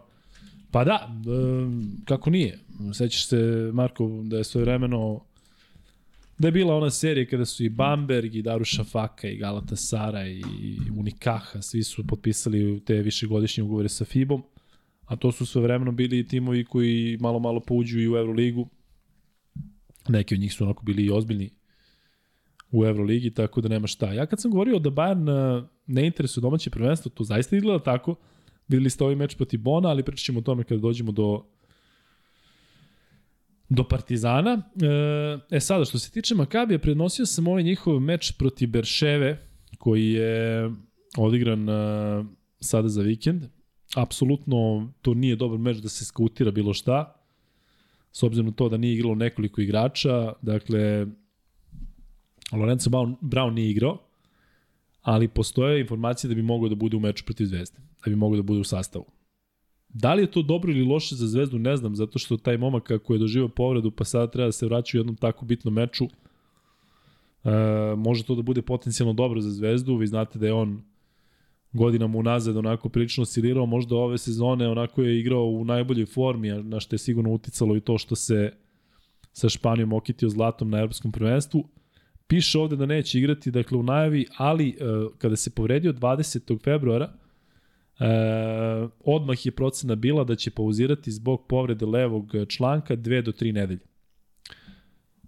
I vi sami izračunajte koliko ima od 20. februara, od 20. januara do kog? 9. februara, tako da e, bolje naravno za Zvezdu da ne igra Brown, a opet kažem i ako je tu, pitanje da li će on moći odmah da, da pravi ne znam šta. Ali da hoće da se, da se protiv Zvezde nadigrava i dokazuje, to je sigurno zato što mu je to bivši klub. Još jedan bivši igrač Zvezde, Austin Hollins, sigurno neće igrati u tom duelu. Zato što je on povredio koleno ili šta već. A Poitre se oporavlja od tog preloma ruke, čini mi se previše, zbog njega su doveli ovog Sulejmana Brajma E, odradit ćemo sada malo scouting e, Makabija, iako kažem taj meč protiv Berševe ne treba da bude ništa, bog zna šta, bitno, zato što recimo igrači poput Bonzija Colsona koji je ove godine toliko bitan su igrali onako područnom. Ta Berševa je baš skroman tim, pritom se Whittington povredio odmah na početku meča, došli su sa devet igrača, ostali su sa osam, pa su onda dvojice imali problem sa ličnim greškom, bilo je mučno gledati. Te neke pojedine izraelske košarkaše koji inače ne igraju ovde moraju da igraju protiv Makabi, ali su se držali jako dobro i na kraju su izgubili sa 13 pojena razlike, tu je jedno bila i najveća razlika kojom je Makabi dobio meč. Ali e, nije igrao ni Jalen Adams, dakle to ono što je bitno, Jalen Adams i Josh Nibo su odmarili, oni će sigurno biti u timu protiv Crne zvezde. E, eto, sada možemo malo i pojedinačno o igračima. Dakle, ovaj Wade Baldwin je apsolutno najveća, prednost, e, najveća pretnja za Crnu zvezdu ili bilo koji ligaški tim. On je protiv Valencije dao koš za pobedu, posle toga je napravio jednu grešku zbog koje je mogla ta pobeda da bude ugrožena i sam je za sebe rekao da je napravio katastrofu i da se to neće ponoviti.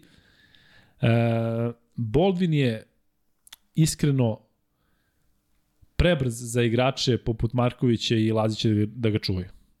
Dakle, e, Boldvin, ne vidim ko bi mogao da bude primarno čuvar Vejda Boldvina. Dakle, on je toliko startan iz mesta, Nedović, znate da, ne mogu da kažem da se ne troši u odbrani, ali znamo da je on ipak specijalista za napad, a opet sa Vildosom, to ne znam kako će izgledati, tako da kako će Zvezda zaustaviti Vejda Boldvina, može Lazić da vrši naravno njegov pritisak i da igra pressing po celom terenu, ali ovaj momak je toliko eksplozivan da je, da je jednostavno nezaustavljiv i tu će morati nešto da se rotira, da se, da se preuzima, da se menja.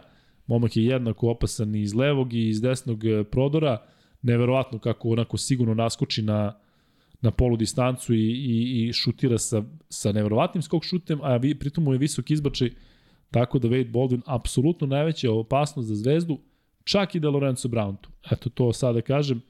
Uh, Di Bartolome igra fantastično u poslednje vreme, taj momak ne promašuje trojke, on je kapitan Makabija, tako da i to mora da se pazi. Jelel Martin je neko ko je dosta napredovao ove sezone, on je bio u velikom grčku na startu i malo mu se Uh, malo su se neke kockice slopile kod njega, da je bilo nekih povreda i da je onako imao nekada minutažu veću nego što treba.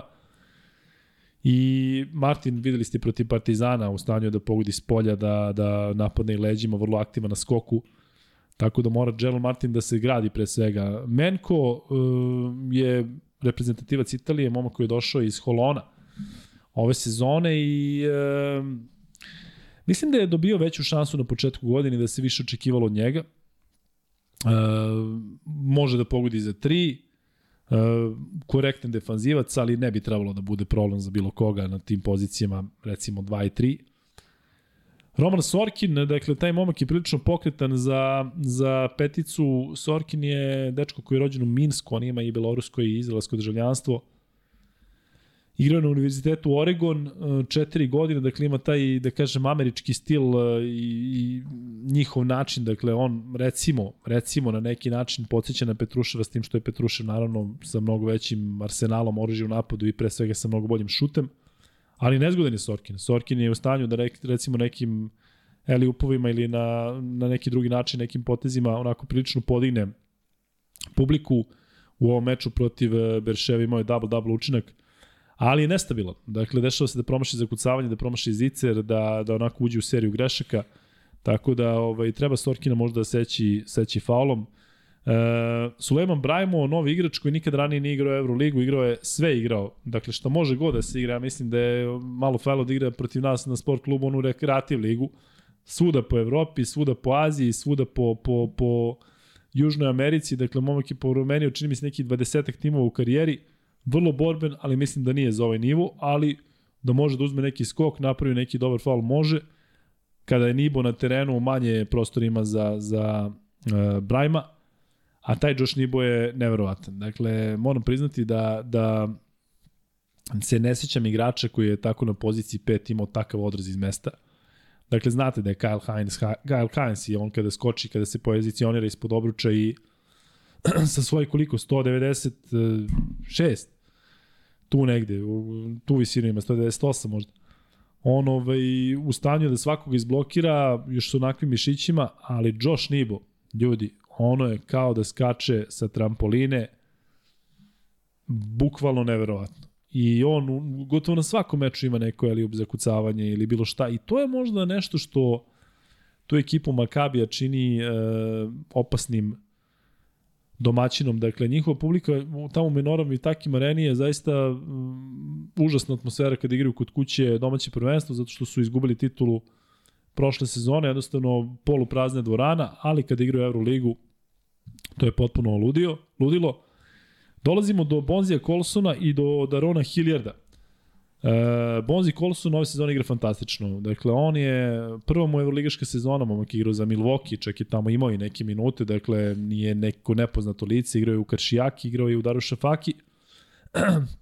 Neverovatno koliko, je, koliko ima dobro osjećaj za skok za jednog igrača koji igra na tim pozicijama 3. Ja volim kada on šutne trojku zato što ima sjajnu rotaciju lopta i kada pogađa trojku, uglavnom pogađa bez koske, protiv Panatinikosa imao neku statistiku 30 pojena i 10 skokova, do duše tada je bilo u porazu. I čak i sam govorio u nekom intervju, uh, da li u ovom meču protiv Berševe ili nešto ranije, ali znam da je bilo domaće prvenstvo, kako su se sklopile kockice i da su zdravi, da bi bili još opasniji, da su počeli da veruju jedan drugome na terenu, da su počeli da veruju treneru i sve se to zaista apsolutno vidi, vidi kod Bonzija Colsona. On i Baldwin su imali jedan okršaj na klupi protiv Valencije, nešto su se prozivali,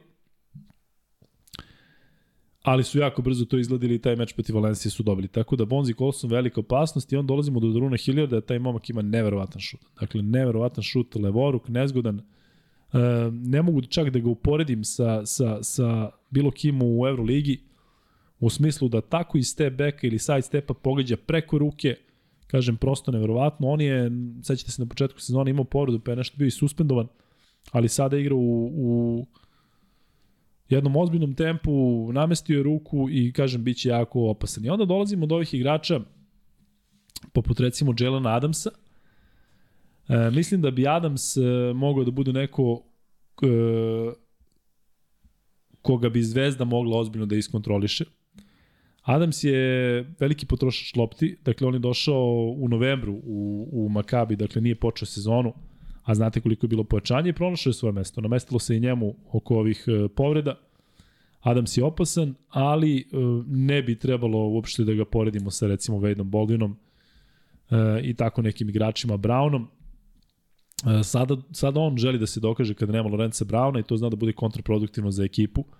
Tako da nervirati Jelena Adamsa onako uh, iritirati ga, provocirati ga u pozitivnom smislu, ne mislim sada da se nešto to uradi nesportski, ali eto, on bi mogao da bude slaba tačka Makabija i ovaj Iftak Ziv, meni nije jasno kako taj momak igra u Makabiju, evo koja mu je ovo sezona, dakle, prenosi Makabi toliko često u Euroligi i komentariše mi u, u domaćem prvenstvu i ništa mi nije jasno. Dakle, nije mi jasno kako on igra, šta igra, dakle, daj Bože za zvezdu da Iftak Ziv igra da Brown ne igra i da Ziv igra umesto njega. Dakle, to će biti onako e, najbolja stvar za Zvezdu. Momak koji, kada sam prenosio All Star prošle godine, pričao sam o tome, ja mislim ovde i ranije, kreće na zakucavanja koja fizički ne može da izvede.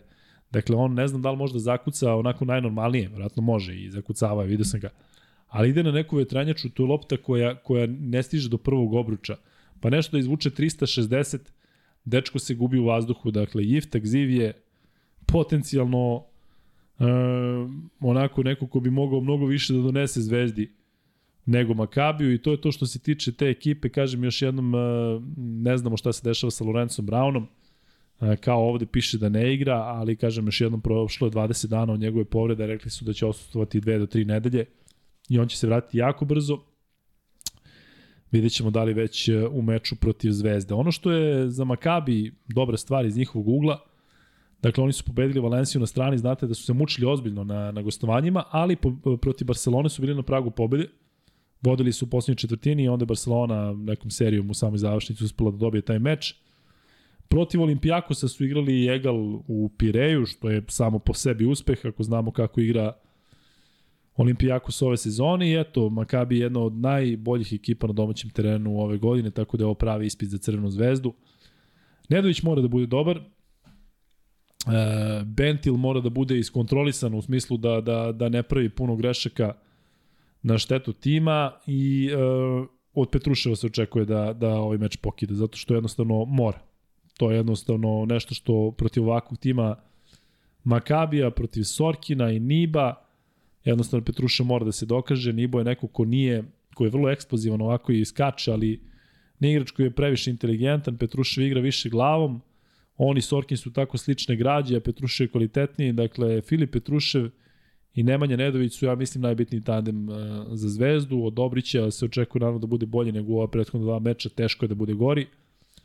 Vildosa će se verovatno nadigravati sa Bodvinom, uh, dakle, to je eto, potencijalno jedan vrlo, vrlo interesantan matchup. Uh, njih dvojica su bivši igrači Baskonije, ne i sa igrači iz Baskonije. Ali sve u svemu, bit će to sigurno zanimljiv meč, zato što mislim da je nemoguće da se tu desi da neka ekipa ima veliku razliku. Ja se zaista nadam da će ta serija Makabija da se, da se završi, ta dobra serija na svom terenu, serija pobjeda u Euroligi, da će se završiti protiv Zvezde, zato što je Zvezdi zaista e, neophodan triumf. Pozabavit ćemo se sada malo i tabelom, dakle, Makabi trenutno ima 12-11, Zvezda ima 10-13. Ako Makabi dobije taj meč, uh, ide na tri pobede više od uh, Crvene zvezde, a ono što takođe opet može da bude nešto bitno, to je da Zvezda vuče samo poen prednosti u tom mečapu iz, uh, iz prvog meča, 69-68 je bilo u, u toj prvoj utakmici, sećate se svi naravno one završnice i, i Lorenza Brauna, tako da, da Zvezda je dobila Makabi u tom prvom duelu, to je bila ona bizarna uh, druga četvrtina, prva efikasna, onda u drugoj niko nije mogao da da koš.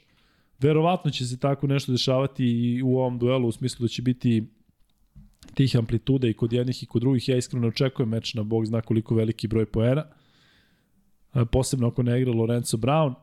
Dakle, možda, možda nešto slično toj prvoj utakmici kada se igralo zaista neefikasno 69-68, ponavljam, Na kraju i ponovo se vraćam na to što je rekao Duško Ivanović, dakle, Zvezda je psihički i fizički dobro. eto, to je ono što je najbitnije, dakle, delovo je sigurno, ne vrem da čovjek na bilo koji način e, želi da, da skrene pažnju sa nečega ili da, da će reći nešto što nije istina, dakle, apsolutno verujem u sve što govore i on i Željko Bradović, tako da ovo je možda za utakmicu, možda i e, utakmica sezone za Zvezdu, zato što ako izgube, bit će pričan daleko od, od play-offa.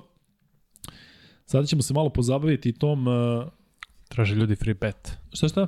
Traže ljudi free bet. Sad ćemo free bet, jel, e, jel smo prešli 500 lajkova? Jesmo, sad ćemo, ne brinite. Nego teško mi je da pratim ovde i komentare i polove i sve. Ali što se tiče Zvezde i sa tim ćemo da završimo uh, kada je reč o crno-belima u ovom podcastu, dakle, uh, raspored je sledeći.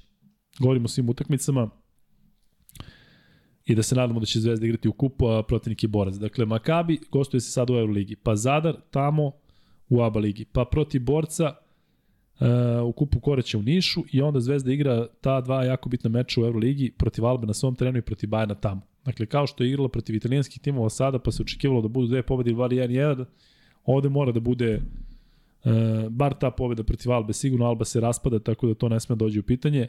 A vidjet ćemo kako će Bayern odigrati protiv Partizana i Bayern koji je toliko ranjiv i u domaćem prvenstvu, zaista nevjerovatno kako su izgubili od Oldenburga. To ne mogu da objasnim pre nekoliko nedelja. I evo videli ste da ih je sada i Bon pobedio. Ako sam dobro video.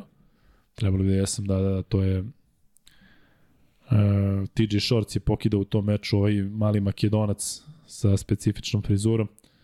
Uh, Bajan izgubio od Bona 73-77, čuo sam Vlahović je prenosio to pored pored mene kada sam prenosio baš Makabi.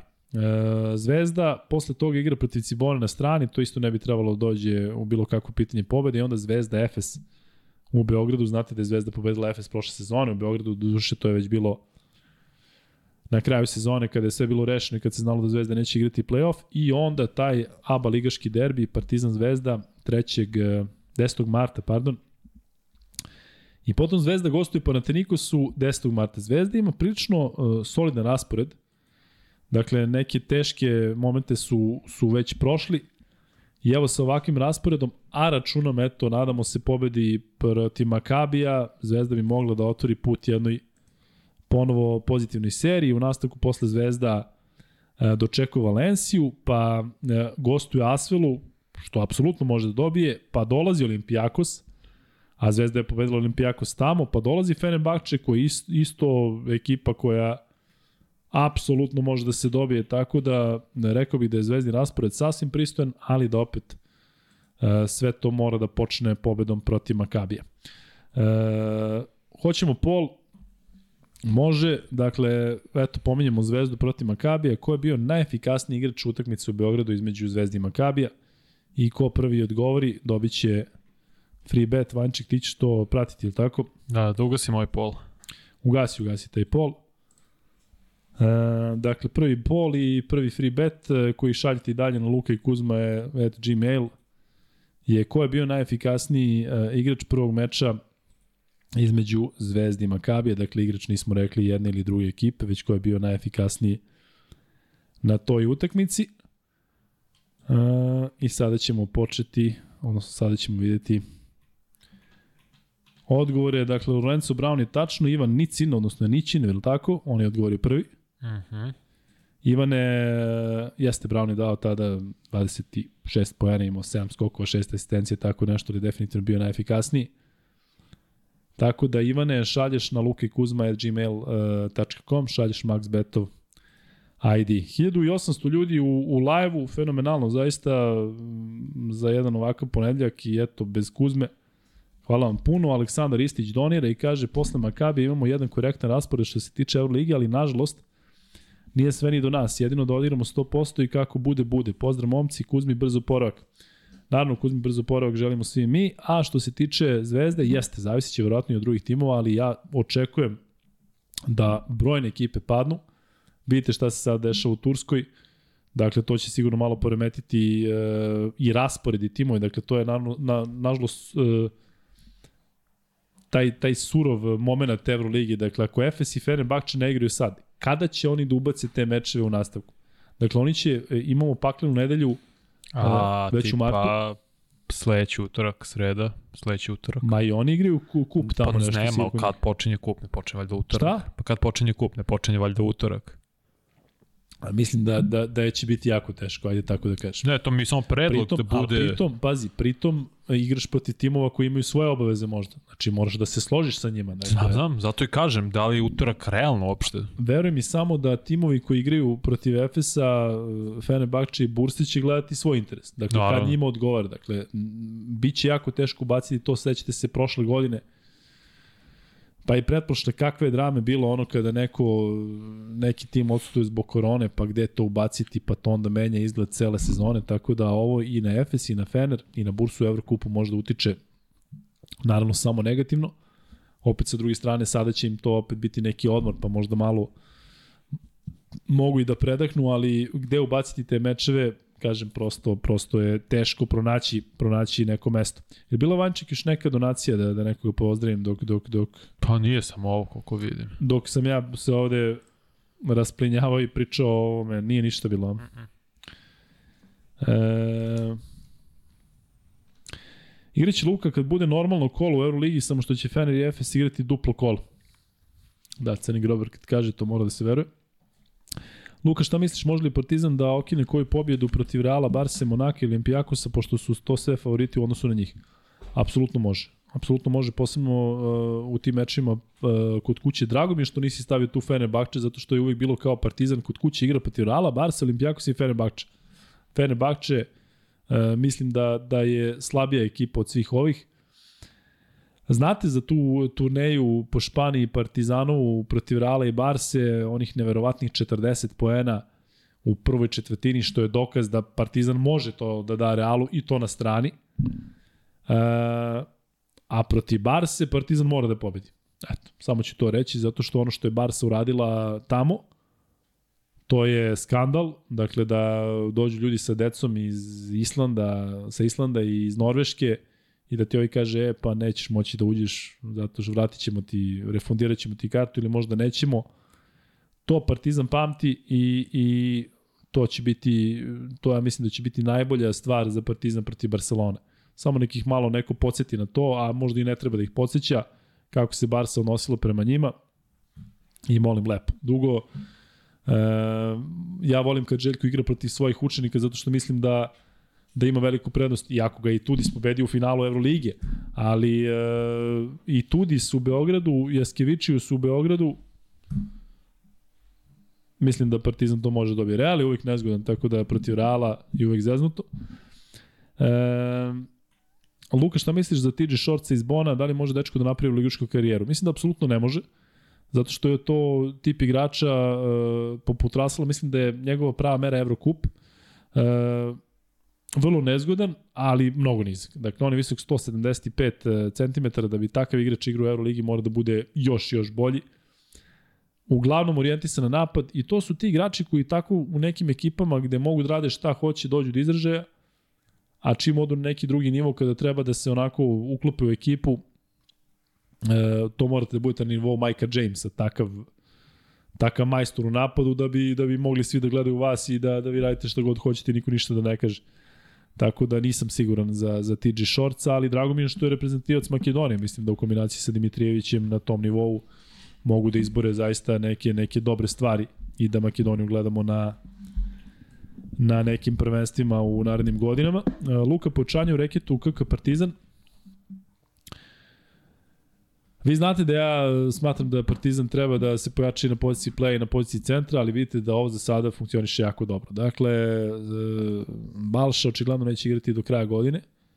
E, Smajlagić se budi, Smajlagić igra sve bolje, Ledej može da pomogne i da igra i na poziciji broj 5, ali Lesor ovakav kakav je, zaista je jedan od najinteresantnijih centara trenutno u Euroligi, tako da videli ste kako Partizan igra na poslednjim mečima. Delo da tu ne treba da trenutno ne treba niko, a da Partizan baš održi ovu formu do kraja sezone nije realno.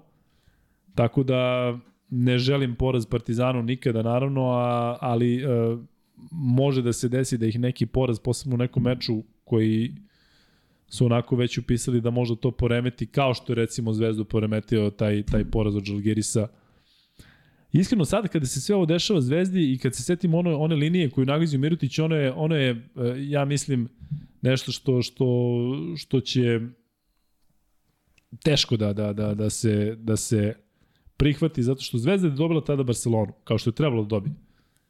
I Žalgiris da dobije tamo kao što je trebalo da dobije, na koliko je bilo 5-7 razlike. E, jeste i faktor sreće, jeste Zvezda naravno pre toga u završnicama dobijala slične mečeve, ali iskreno da vam kažem, ovaj, e, možete mi, mogu misliti koliko u, u stvari će to tek da boli sa Mirotićem i ta greška sudija kada pričamo o sudijama, e, posebno ako ne di Bože se desi da Zvezda ne uđe u top 8. I to sa Kampacom i onda ćete se pitati, pa čekaj, da je neko video liniju i da je Kampaco igrao igrao od kad je došao u Euroligi. Pa gde, gde, gde je granica za Zvezdu? I bilo bi baš lepo da, e, sećate se moje, prošle godine, moja želja bila Zvezda i Partizan u, u Euroligi. Moja želja ove sezone bila da Partizan i Zvezda u jednom trenutku, naravno i na kraju, budu u top 8. Dakle, da to vidimo u gornjem delu tabele i Partizan i Zvezda. Međutim, znate da su jedni, nije čak i jako bilo malo perioda tokom sezone kada jedni i drugi igraju dobro. Uglavnom, Partizan je, Zvezda je loše počela, Partizan je loše počela i vezao tri, poraz, tri pobede, pa je onda Zvezda igla fenomenalno, Partizan je tad pao, sad Partizan igra super, Zvezda je, Zvezda je u seriji poraza i nikako da se to nekako poklopi, nažalost.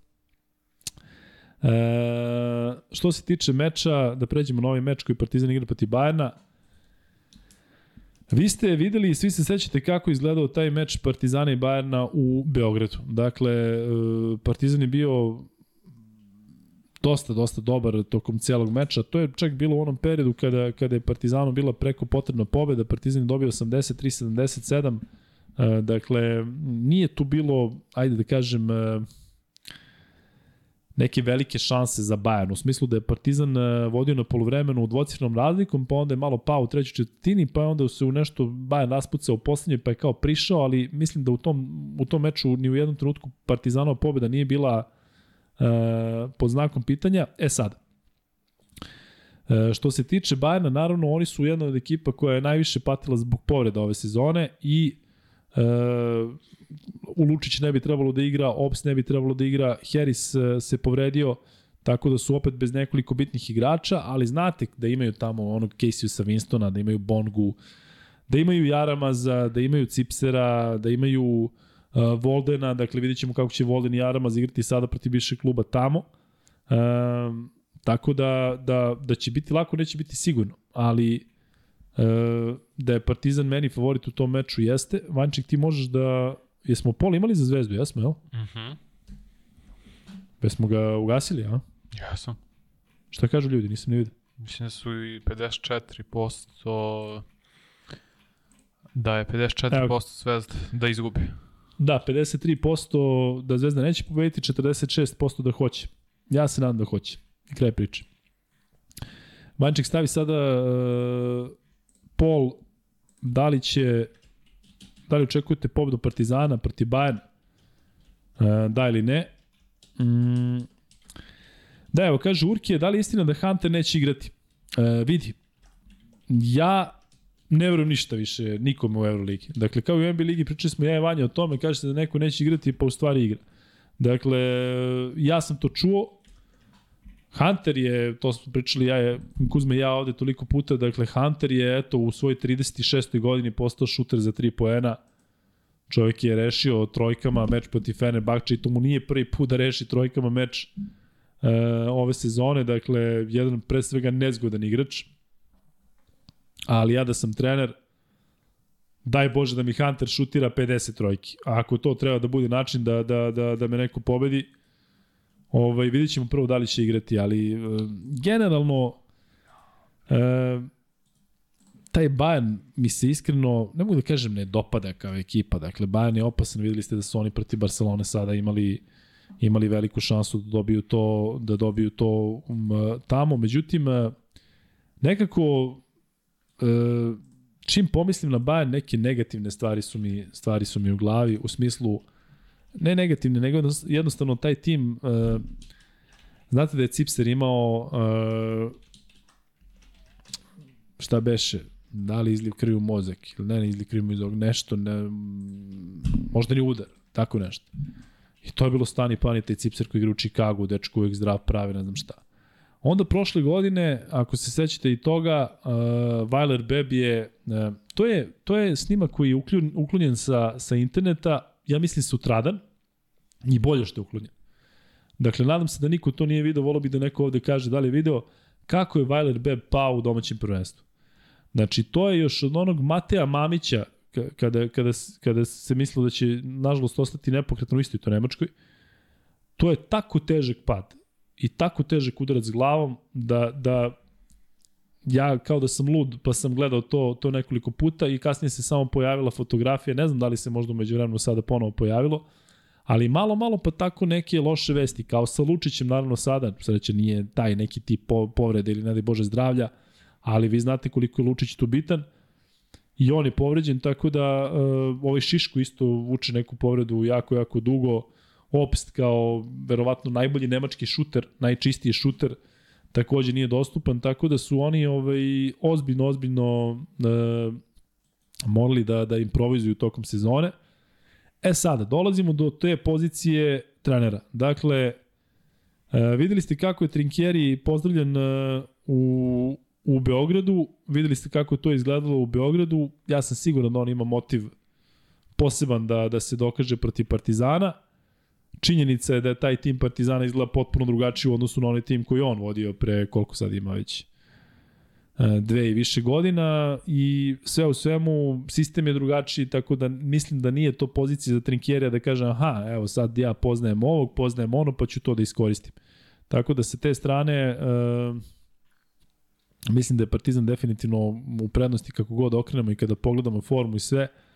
Kažem još jednom, Bayern je izgubio protiv Bona 73-77, to je ta e, prilično divlja ekipa, međutim, eto sada da prođemo malo pojedinačno igrače e, Bayerna, dakle taj Bonga je fenomen, dakle momak koji može da da 30 pojena i dao je sada 28 protiv Bona, a nekada ono delo je kao da će da padne, Dugoruk, Dugonog, sećam se kada sam bio u, u Americi poslednji put, e, dopadalo mi se da pratim Washington iz nekog razloga. E, imali su te, za, za nas koji smo bili na zapadu, ranije termine, negde oko šest. Počne Washington i gledaj Washington, lepo imali su dobre domaće komentatori, pa sam volao da gledam i zbog toga, a daleko od toga da su imali neku, neku, neku ekipu. I vidim Bongu i čini mi se da njemu takvom je više, više e, odgovarala NBA liga, Tako da... E, Pričao sam ja o ovom Casey su Winstonu, dakle on zna da bude jako nezgodan, dakle momak koji ima ogromno, ogromno poverenje Trinkjerija, dakle vidjet ćete i, i u četvrtak, dakle taj momak može da šutira koliko god hoće i da promašuje i Trinkjeri ga i dalje tapše, verovatno Trinkjeri zna šta radi, ali, ali kažem, ako uđe Winston u, u seriju može da bude opasan. E, e sad, dolazimo naravno do Huntera koji koji nije igrao u ovom meču e, protiv Bona, da li će igrati protiv Partizana, ne znamo. E, Ogasni Rubit je jedan od najpouzdanijih igrača Bajana, dakle Rubit koji je godinama igrao Eurocup, jedan od najboljih igrača, znate da je sada bio, valjda, je MVP meseca, dakle Rubit je vrlo opasan, Volden opasan, ali opet nestabilan, Uh, Gillespie, centar koji je dominantan onako fizički, ali ničim se nešto ne izdvaja. Violet Beb, uh, isto ove sezone u potpunom kontraritmu. E, onda dolazimo do Ognjena Jaramaza. Dakle, Jaramaz je neko ko... Um,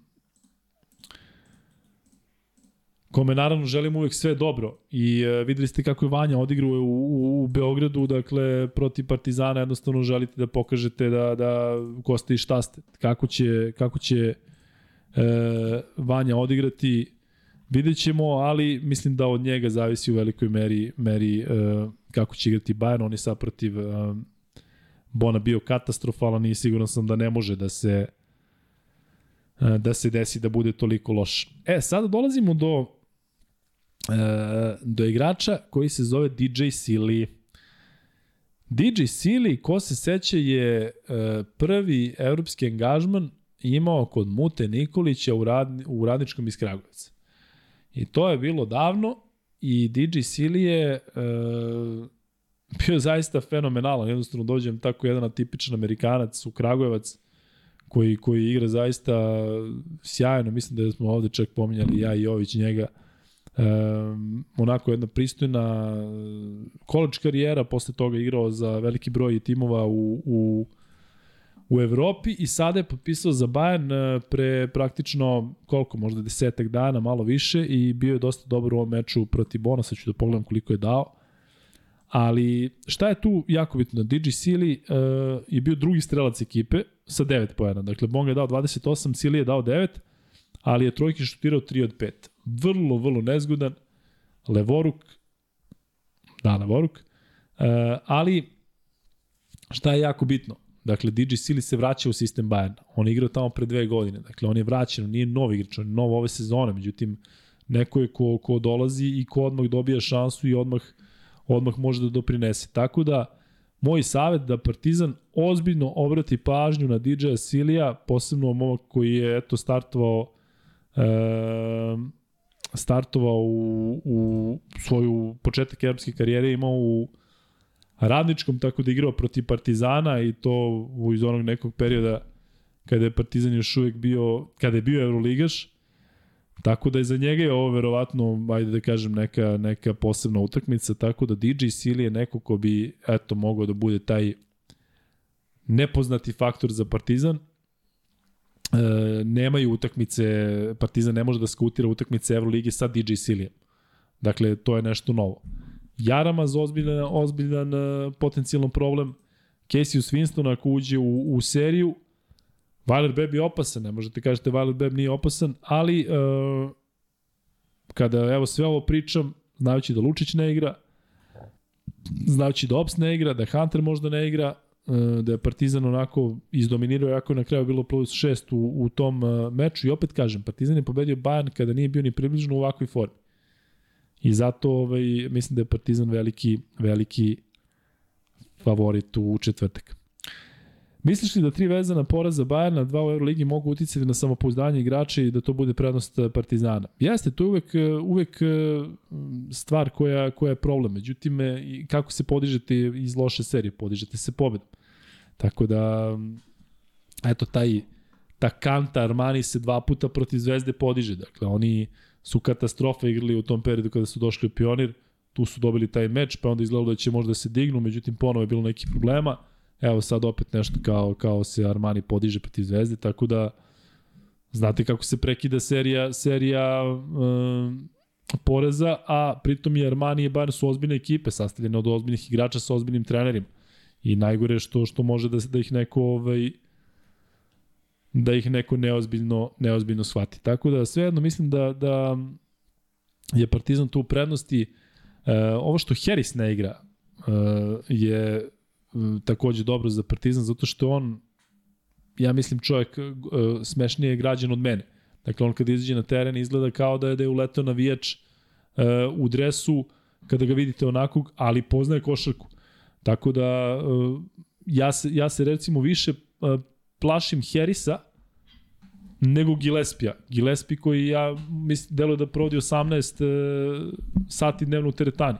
Centar onako dominantan, možda zakuca iz mesta, neverovatan raspon ruku, ovaj, tako da sve u svemu uh, Partizan je kompletan, ne računamo Balšu, uh, Bayern je daleko od toga da je kompletan, uh, Bayern trenutno na tabeli uh, u poziciji u kojoj je praktično Zvezda protiv Makabija, ajde tako da kažem. Dakle, Zvezda ako izgubi od Makabija ulazi u ozbiljan, ozbiljan problem, A Bayern e, verovatno razmišljaju isto i Bayern je još u goroj situaciji Zvezde zašto ima 9-14. Ta dva poraza na, na španskoj mini turneji tokom paklene nedelje, porazi od Valencije i poraz od Barcelone, ali pre toga je Bayern pobedio Virtus na svom terenu i ono što ne treba da zaboravimo nikako da su pobedili uh, Efes uh, da su pobedili Efes na, na, na gostovanju kada sam rekao da je Hunter trojkama pobedio Fenerbahče, trojkama pobedio Efes. Taj meč sam prenosio neverovatno zaista kako je Bayern odigrao poslednju četvrtinu. Ja mislim da je mi to najbolja četvrtina ikada uh, u Euroligi. Dakle, sve, bukvalno svaka lopta ulazi. Sve što bilo ko baci ulazi, Atama se drži za glavu, jedan timeout, drugi timeout, širi ruke, ne može ni na sudije, ne može ni na svoje. Dakle, Bayern je tada pogodio sve, ali kada pobedite šampiona Evrope u, u, na gostovanju u Turskoj, a to je bilo 20. E, januara, dakle, to je bilo pre, pre dve nedelje. Tako da sve u svemu Bayern je sve, samo nije za pocenjivanje i kažem, za njih je ovo meč koji ako izgube, ako odu na 9-15, Panathinaikos može da dođe 9-15 ako Valenciju pobedi, a, a u tom meču će biti, biti favorit, tako da Bayern ako ovo izgubi, mislim da gubi, gubi bilo kakav korek za plasman u top 8. E, tako da to je to. Partizan ako dođe do 13. pobede u ovom meču, Partizan e, će se izjednačiti sa Baskonijom e, po broju pobeda, a e, Baskoni igra protiv Žalgirisa, tako da, eto, možda Partizan da se nada pobedi Žalgirisa e, protiv Baskonije, zato što znamo da u tom mečapu ima, odnosno da, da u te dve pobede protiv Žalgirisa ima dve pobede i da ima prednost. Ali eto, baš sad iz ugla Partizanovih navijača, zaista ne znam šta je bolje da nadati se u, u, u, u tom duelu Žalgirisa i Baskonije, da li da Žalgiris izgubi, da, pa da onda i on manje više bude posle četiri poraza sa, sa, sa minimalnim šansama da se priključi u tu borbu za, za osmo mesto, u svakom slučaju neko tu mora da izgubi. E, malo ćemo se sada pozabaviti i e, kao i, i tokom one priče o Zvezdi, pozabavit ćemo se i rasporedom Partizana, dakle Partizan ima jako težak raspored, mnogo teži nego Zvezda i evo kako to izgleda. Dakle, gostovanje Bayernu u četvrtak, pa onda taj meč protiv borca u Pioniru, pa potom Partizan Spartak u kupu uh, i onda, pazite sad ovo, u Euroligi. Partizan Fenerbahče i Partizan Alba. To je da kažem jedino jedino nešto gde gde ne bi trebalo da bude problema posebno u tom meču protiv Albe. Pa onda Partizan ima ovo što je Zvezda uh, imala da to je ta turneja u Italiji, dakle gostovanje Virtusu, pa gostovanje Armaniju. Zatim derbi u ABA ligi, pa onda teško, teško gostovanje Efesu, zato što Efes mora da se podigne, dakle Efesu će do kraja svaki meč manje više biti e, bukvalno biti ili ne biti. E, pazite šta ide posle Efesa. U ABA ligi budućnost i CDVita Olimpija. Dakle, budućnost u Podgorici i CDVita Olimpija u, u u Beogradu, dakle, dva najteža protivnika protiv, pored Zvezde u ABA ligi i onda dolaze u Beograd Olimpijakos i Barcelona. Olimpijakos koji je ove sezone možda i, i tim koji je najviše pokazao kada podvučemo crtu i Barcelona koja ima budžet i igrače protiv kojih zaista e, jednostavno jedan od najtežih protivnika, ali rekao sam šta je motiv Partizana u tom meču, tako da se tu zaista nadam, nadam revanšu za onaj poraz u Kataloniji. Potim, potom Partizan e, gostuje FNP-u, to znači, znate da su uvek e, e, potencijalno nezgodni mečevi, posebno ako FNP e, bude ovako opasan kao i sada na stranu poraz protiv budućnosti.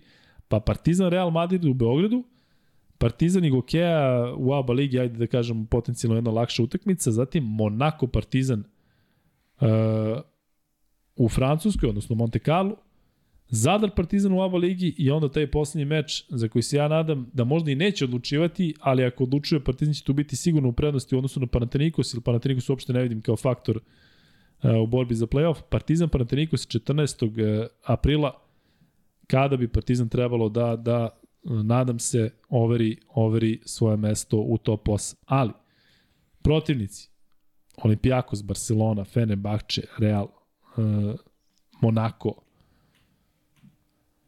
Zato ovi mečevi protiv, ajde da kažem, timova iz donjeg dela tabele su izuzetno, izuzetno bitni. Dakle, Partizan mora da dobije Bayern, Partizan mora da dobije Albu i eto, to su, ajde da kažem, jedine utakmice, pa čak ne može da se kaže ni sutra da je Partizan, bog zna kakav favorit, ali um, i taj meč protiv Panathinaikosa, gde, gde je Partizan će verovatno i prema kladionicama biti bliži pobedi, ovo sve ostalo su ovi uh, evroligaški giganti, a pričali smo i u, u ranim podcastima da i suđenje možda bude jako problematično protiv tih e, vlasnika Evrolige, ako njima dođe nešto da je biti ili ne biti, pa, pa sudije moraju da, sudije eventualno budu neki tas na vagi, neće sigurno ići na, na, na u koriste Zvezde ili Partizana, tako da i to treba imati u vidu, ja se nadam da, da neće biti grešaka poput onih koje su bile ove sezone, pre svega na račun Zvezde, jer kažem to protiv Barcelone ne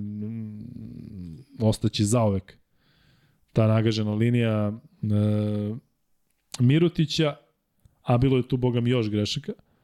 Ima ih u, manje više u svakom meču, tako da eto, nadamo se da, da će sudije biti bolje i da neće više odlučivati utakmice. Vanček, može da ugasiš i ovaj pol, da li očekujete pobedu Partizana protiv Bajana, da vidimo šta kažu naši gledalci, skoro 2000 ljudi u live-u, zaista fenomenalno. E, 79% kaže da. Dakle, to je zaista nešto što ja očekujem. E, Marku, pravo si, Luka, ako želimo da igramo u top 8 sa najboljima, moramo da dobijemo najbolje i to je to. E sada, e, vodio sam neke razgovore ovih dana i mislim da je, da je malo možda i neozbiljno pričati o tome, ali znate kakvu, kakvu podršku imaju Partizan i Zvezda. Zvezda trenutno naravno ne razmišlja o tome sigurno, ali eto kažem i drugar, da li Partizan u ovom trenutku treba da razmišlja i o, o plasmanu na prvo četiri mesta, zato što znamo koliko će to biti bitan faktor domaći teren uh, u eventualnom play-offu. Ja zaista se nadam da će Partizan biti u top 8, daj Bože da bude u top 4, da ima prednost domaćih terena, zato što onda mislim da je sve moguće. A ako Partizan bude na toj realno, ne, ne verujem da može na prva tri mesta, ali ako dođe do četvrte pozicije i, i u toj seriji na tri pobede bude domaćin, uh, sve se otvara. Dakle, tada će u areni biti 24.000 ljudi, a videli ste koliko svim igračima Partizana, koliko ih diže atmosfera, tako da ovaj, e, ne bih išao toliko daleko, ali nekako ipak stoji, stoji tu kao, kao, kao stvar. Eto sada me čuju iz Partizana i Željko Bradović da pričamo o, o Partizanu u top 4 u regularnom duelu sezone. Verovatno bi mislili da, da, da sam lud, ali navijači Partizana znaju koliko bi to, to značilo u doigravanju. Ivanče, kako se slažeš da završimo sa, sa, sa ovim uh, delom o, o Euroligi i da lagano pređemo na fantazi. Uh, možete da, da udarite uh, i neki like, pa kada dođemo do 700 700 da ubacimo jedan onaj uh, neko šarkaški, a? Šta kažeš? Može. Može. Može. Uh, Da, ovaj bi yeah. mogli da bude polu košarkaški. Evo ga Vanček. Vanček Sada... reci nešto, pričam ko navijen 16 sati. Pa ajde, sad ćemo krenuti sa ovom našom, to jest, pa da, našom fantasy ligom, to jest da biramo fantasy team za Euroligu, kao što smo radili za NBA, gde ćemo staviti po centru, po dve krilne pozicije, čini se dve bekovske pozicije i trenera. Tako je. I opet će biti izbor od četiri igrača, stavimo na pol, vi glasate i to cepamo. I naš Mare Jeremić to onda pravi, odnosno uklapa u ekipu. E, evo kaže stop, da, Željko da te čuo bilo bi Luka, umesto Aleksa, da, bilo bi uz verovatno još neku psovku i, i crveni izraz lica, ali ja mislim da svi znate da najbolje želim i Partizanu i Zvezdi. Tako da sve, sve u najboljoj nameri. Može ovako, e, kojeg centra biramo za Euroliga Fantasy Team? Dobro. Tako je, za naš, ali za Luka, stavi negde Luka i Kuzma ili za naš tim u, za u, naš da Euroliga Fantasy. Dakle, za vas koji niste bili uz nas kada smo bili naš NBA i Fantasy Team, uh, biramo uh, biramo sada petorku za Euroligu i za Evrokupu. Hoćeš prvo Evrokupu ili Euroligu? Šta ćemo? Ćemo Euroligu. Euroligu. Ajde, Euroligu. Ajde, pa sad. Prvo Euroliga, dakle, biramo pet igrača, petorku i trenera, je li tako?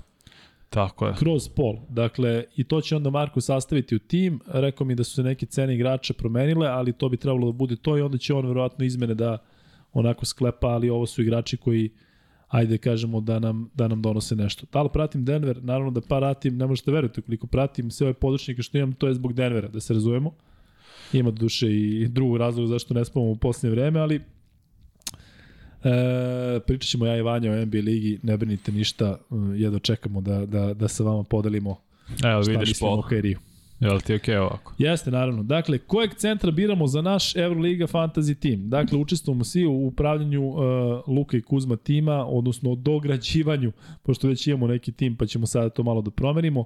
Ja sam siguran da ćemo ovde dobiti centra uh, koji je prvi, a to je Matijas Lesor iz Partizana, druga opcija je uh, Edi Walter Tavares ili Tavares, nikada mi nije bilo jasno. Edi, koji možda znate portugalski, on je do duše odavde iz Cape Verde. Čuo sam da ga zovu i Tavares i Tavares, ja ga u, kada komentarišem Real zovem Tavares. Zatim dolazimo do Jonathana Motlija i do Filipa Petruševa. E, sada je ovo jako interesantno, zato što ja mislim da će ipak ljudi birati Lesora, ispred Petruševa, ali možda grešim. Tavares i Motli mislim da u ovoj varijanti nemaju šanse, ali e, hvala puno za BNDT PFK. Jesu teška vremena, brate, znači evo, e, malo sada opet e, prelazim na to, ali kada pogledaš vesti svetske, domaće, to su samo otmice, krađe, ubistva, ratovi, zemljotresi, poskupljenja, haos. Vidite šta se dešava i na domaćoj političkoj sceni, razna previranja. Dakle, dajte da se držimo košike. Vanček, nama ne mogu, ne mogu da ugaš se podcast sad. Niko, tako. Pa što, kako? Pa otkud znam, recimo sada krenu neke sankcije Srbiji, sada gase se kanali YouTube i Srbije. To ne može se desiti. Ne može se desiti. Jel tako, ruski kanali funkcionišu? Pa naravno, funkcioniš kako to je internet, to nije ničije vlasništvo. Da, ne znam više šta da mislim, ali ovo što radim sa Kuzmom i sa Vanjom ovde je takav melem na sve rane životne. Tako da ovaj, nadamo se da ćemo se družiti, družiti zaovek. E, sačekat ćemo da dođe, da dođe do 500 e, glasova svaki ovaj e, Evo ga Ilija Živodinović naš, kaže, kaže se Tavareš jer je iz portugalske kolonije. Eto ti sad. Ne znam da li znate e, tu priču o Tavarešu, kako je prodavao ribu, pa ga je onda video neki nemački turista, video mu one da ogromne, nije pripnuo čovek košarkašku loptu i onda su ga povezali sa nekom akademijom, mi nekim trenerom već gde, da li je taj čovjek bio Nemac ili kako već ide, ali zaista neverovatna priča i evo, postao je jedan od najdominantnijih centara u Euroligi ikada. E, čudno mi je da nije imao, da nije imao bolju NBA karijeru, On je u, u Torontu tamo bio neko levo smetalo, ali u Realu je jedan od najbitnijih igrača. Jonathan Motley, e, kada već pominjamo i njega ovde, eto, pored Lesori i Petruševa, kažem, verovatno nema šanse, ali on mi je jedno od najprijatnijih iznenađenja. Ako se sećate e, prelaznog roka, odnosno e, letnje pauze, kada je Fenerbahče doveo osam novih igrača, niko nije pričao o Motliju. Dakle, pričalo se o povratku Bjelice, pričalo se o Wilbekinu. Pričalo se o uh, Carsonu Edwardsu zato što je došao iz Boston Celtics. Motley je bilo kao ono, aha, došao iz Rusije, pa zato što tamo je rat, pa će sada onda doprinese. Motley mašina za, za double-double. Uh, I dalje ostaje ono što je, što je proti Barse. Uh, trebalo da šutne trojku, on išao na dva. Ona glupost koju je napravio ali eto da kažemo da je to bio taj uh, J.R. Smith moment i da mu se neće ponavljati, ali Motley je ove sezone jedan od onako igrača koji bi eto u NBA fantasy mogli da donesu zaista veliki broj poena. Čekamo 700 like i čekamo uh, 500 glasova u, u ovoj turi. Uh, Vančki, tu, tu možeš da vidiš da li, kako se odvija glasanje? Glasalo je 400 ljudi. Ne, nego vidiš koliko ima procenata za koga? Mogu. Da, ja to ne mogu zašto nisam ulogovao. Niko vodi? Lesor 57. A Petrušev? 16. Petrušev 16? Da, Tavares ili Tavareš 20. E, da, dobro, dakle ide ka Lesor, onda ne moramo da čekamo 500, iako već nije toliko interesantno, Ali možeš sad da gađaš, da, da gasiš, dakle Lesor će nam biti centar, Marko, znam da pratiš sve ovo, e,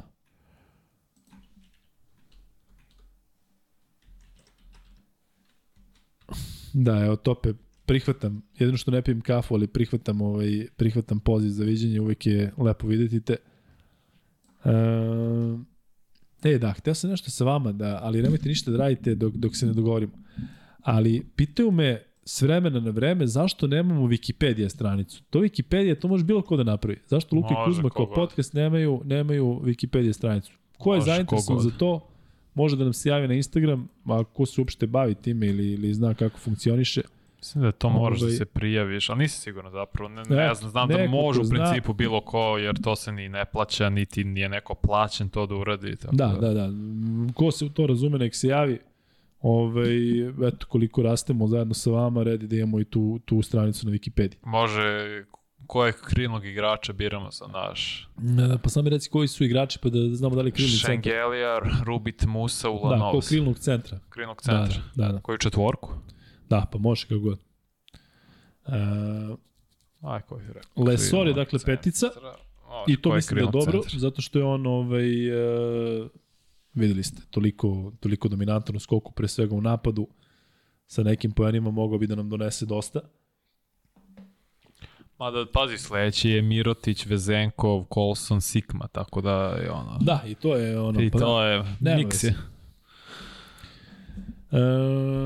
Da, visoke, imat ćemo visoku petorku.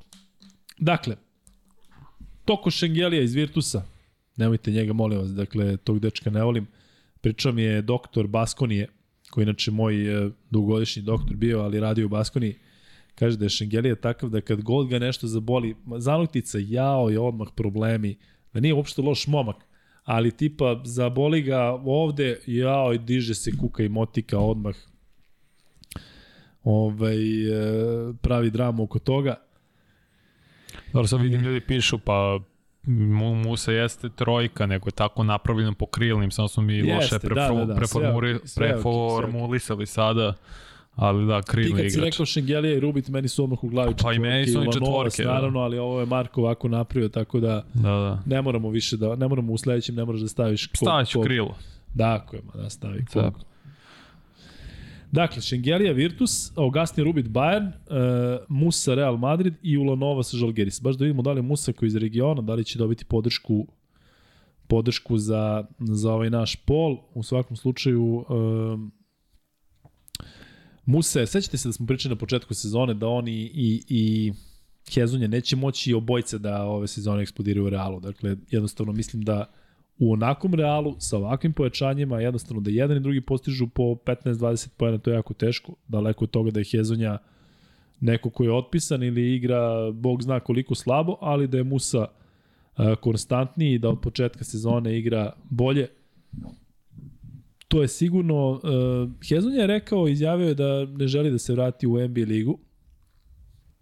Zanima me kako je Musino razmišljanje, dakle ja sam se uh, dopisivao sa njegovim bratom uh, koji je na dan, na dan kada je kada je Musa potpisao, ja sam mu pustio poruku preko našeg drugara Semira koji radi na N1 u Bosni i da sam bukvalno dan ranije pustio poruku, mogli bi da imamo Musu u podcastu, ali kada je potpisao onda mora sve da ide preko presa Real Madrida, tako da ovaj to je onda već malo komplikovanije da, da, da, se, da se dođe do dečka zato što naravno mora sve zvanično preko tima. I ovde um, Musa vodi poprilično. Neka, i treba. Do, bilo bi dobro da napravimo jednu našu petorku, kad kažem našu, tu mislim i na Lesora, u smislu da je, da je iz Partizana, pa da, da, da ovaj... Balkansku. Jel u nama, jel u nama, jel u sledećem imamo nekog našeg igrača? Pa Mirotić, mislim. Jes, Mirotić, pa da. Mirotić Vezenkov? Colson Sigma. Ma da, to je Mirotić zakucan, ali vidjet ćemo. E, Vanček, možda gasiš i ovaj pol ako Musa ubedljivo vodi, dakle nema potrebe da, da čekamo mnogo. Mm. Čekamo taj 700 like za free bet. I Musa 48%, Šengelija 26%, Rubit 13% i Ula Novas 11%. E, ma da, Džanan je bre momak prva liga, nema, nema greške, videli ste kako su oni Đoković imali lep i dobar odnos kad mu Đoković bacao ali upove dok je igrao onaj revelni turnir u visokom. A i brat mu je zaista super tip, kažem, dopisivali smo se lepo uh, letos kada, je, kada smo želeli Musu da dovedemo u podcast. Uh, čekamo sledeći sledeći pol. Uh, hoće da ga stavljaš vanček ili da ispucamo free bet zato što... Jesi stavio već pol? Nisam stavio. Stavi, stavi pol, pa evo, evo usko, ga 700, 700 ti nema veze. Da, free bet ćemo odmah posle pola. Evo, samo sekund. E, evo, Marko Top, Alović Top, kaže Luka, napravit ćemo stranicu lako, kada budete hteli, pišite mi. Važi.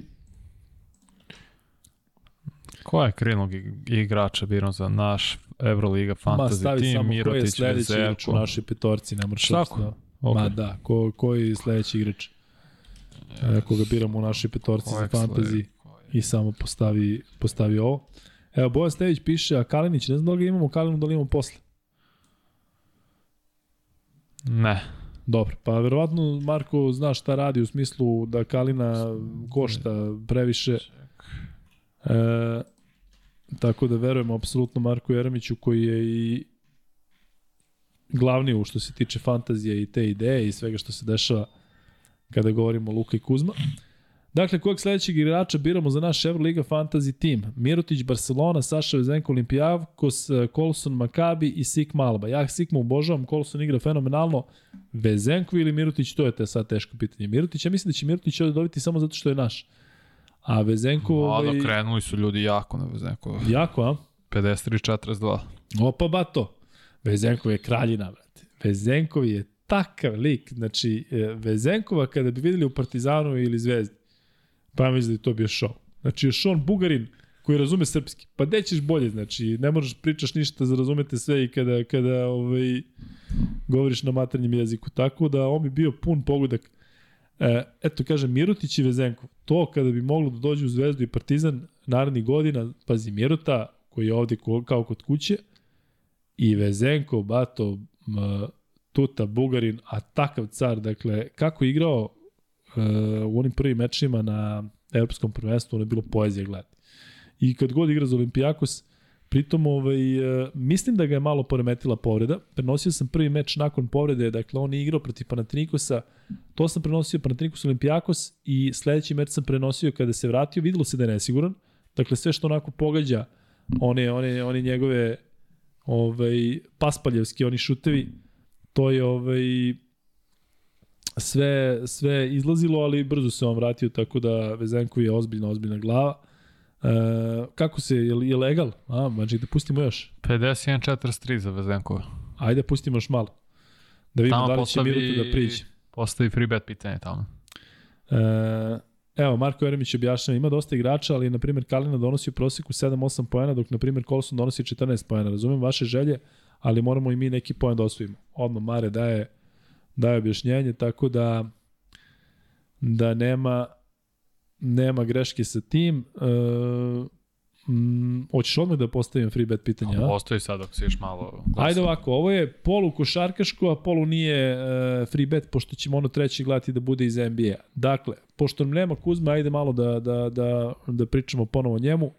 Dakle, nabrojite uh, četiri države koje nisu Srbija, četiri strane države u kojima je Kuzma živeo tokom svog života, da kažem tokom svoje karijere. Dakle, četiri države u kojima je živeo Vladimir Kuzmanović i on priča naravno o svojim anegdotama iz svih tih država, tako i svih tih klubova, a najviše voli BFC, tako da e, ko je jednom pratio podcast, mislim da mu neće biti teško, ali opet e, e, nemate verovatno dovoljno vremena, idete na Wikipediju pa da vidite gde je sve, sve e,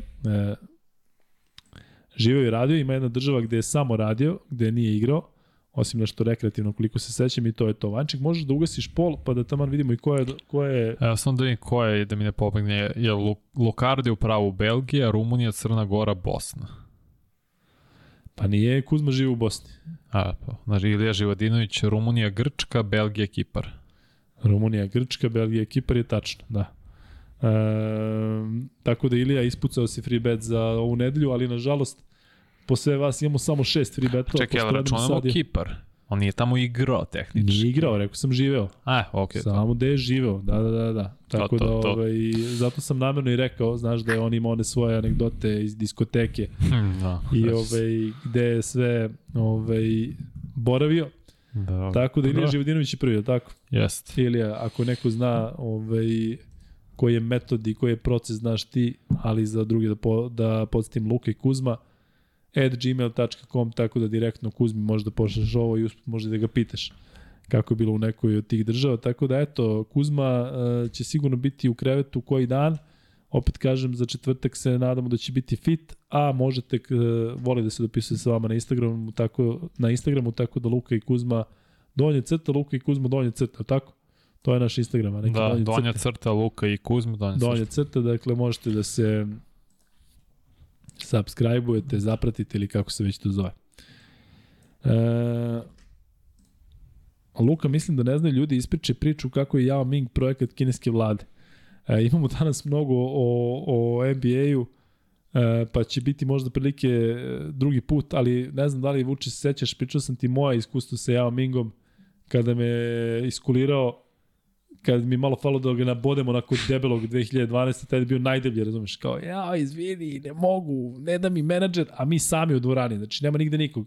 Igra dole ženska, američka ovaj, reprezentacija kao, brate, izvini, znaš, kao, sa onim njegovim engleskim, kao, mam, sorry, really sorry, važi. Ali na plaži. Tako da, bit će prilike da se priča o Jamingu. Šta je Sigma bio samo 1%, a? Mhm. Mm ja sam postao ovaj drugi. 50% Vezenkov, dakle, Saša nam je u, u petorci, ja sam očekivao Miretića, Miretić 42%, Kolson 4%, Sigma 1%. Dobro, Sigma ove sezone igra stvarno loše. Dakle, ja Sigma obožavam, ali on ove godine je katastrofa. E, evo, Kovačević se ovde zazve sa free bet pitanjem. Treće free bet pitanje će biti u vezi NBA. E, Kuzma najviše voli Belgiju i brata Čombu. Bravo, Beograde, znači da znaš ovaj, da pratiš podcast. Ali da pređemo na sledeći igrača u našem eh, NBA fantaziju, to je četvrti, je tako? Četvrti. Da, da, da, četvrti igrač kojeg biramo, dakle za sada u petorci imamo Lesora, e, Vezenkova i Musu. Tako je. Stvarno I sad su se. Pa, Micić, Teodosić, Jones i Vildosa. Dakle, Vasa Micić, Efes, Miloš Teodosić, Virtus, eh, Chris Jones, Valencija i Luka Vildosa, Crvena zvezda. Uf, kakva konkurencija, a? Teško, mada pišu ljudi, mislim, Micić ne igra ovo kolo sad. To će verovatno Marko i ovi svi Da. Real, to je timovi koji igre protiv turskih protiv Efes i Fenera neće igrati, tako da to će Marko da reši, jer prati svakako. Ali da, ko je sledeći? Aha, da Kako se sad, kako se vodi trenutno borba tu? Ko je prvi? E pa Micić 48%, Vildosa 35, Teodosić 12, Jones 6. Da, pa dobro, očekivano da nećemo Teodosića, da ljudi neće birati Teodosića zato što Anem što je malo malo pa ne igra, poređen, pa malo malo suspendovan, Aha. a pritom ovaj, znamo šta Teodosić sve može, ali ne može da bude konstantan kao nekada, tako da Vasa i Vildosa jesu e, realno, realno ta borba za prvo mesto.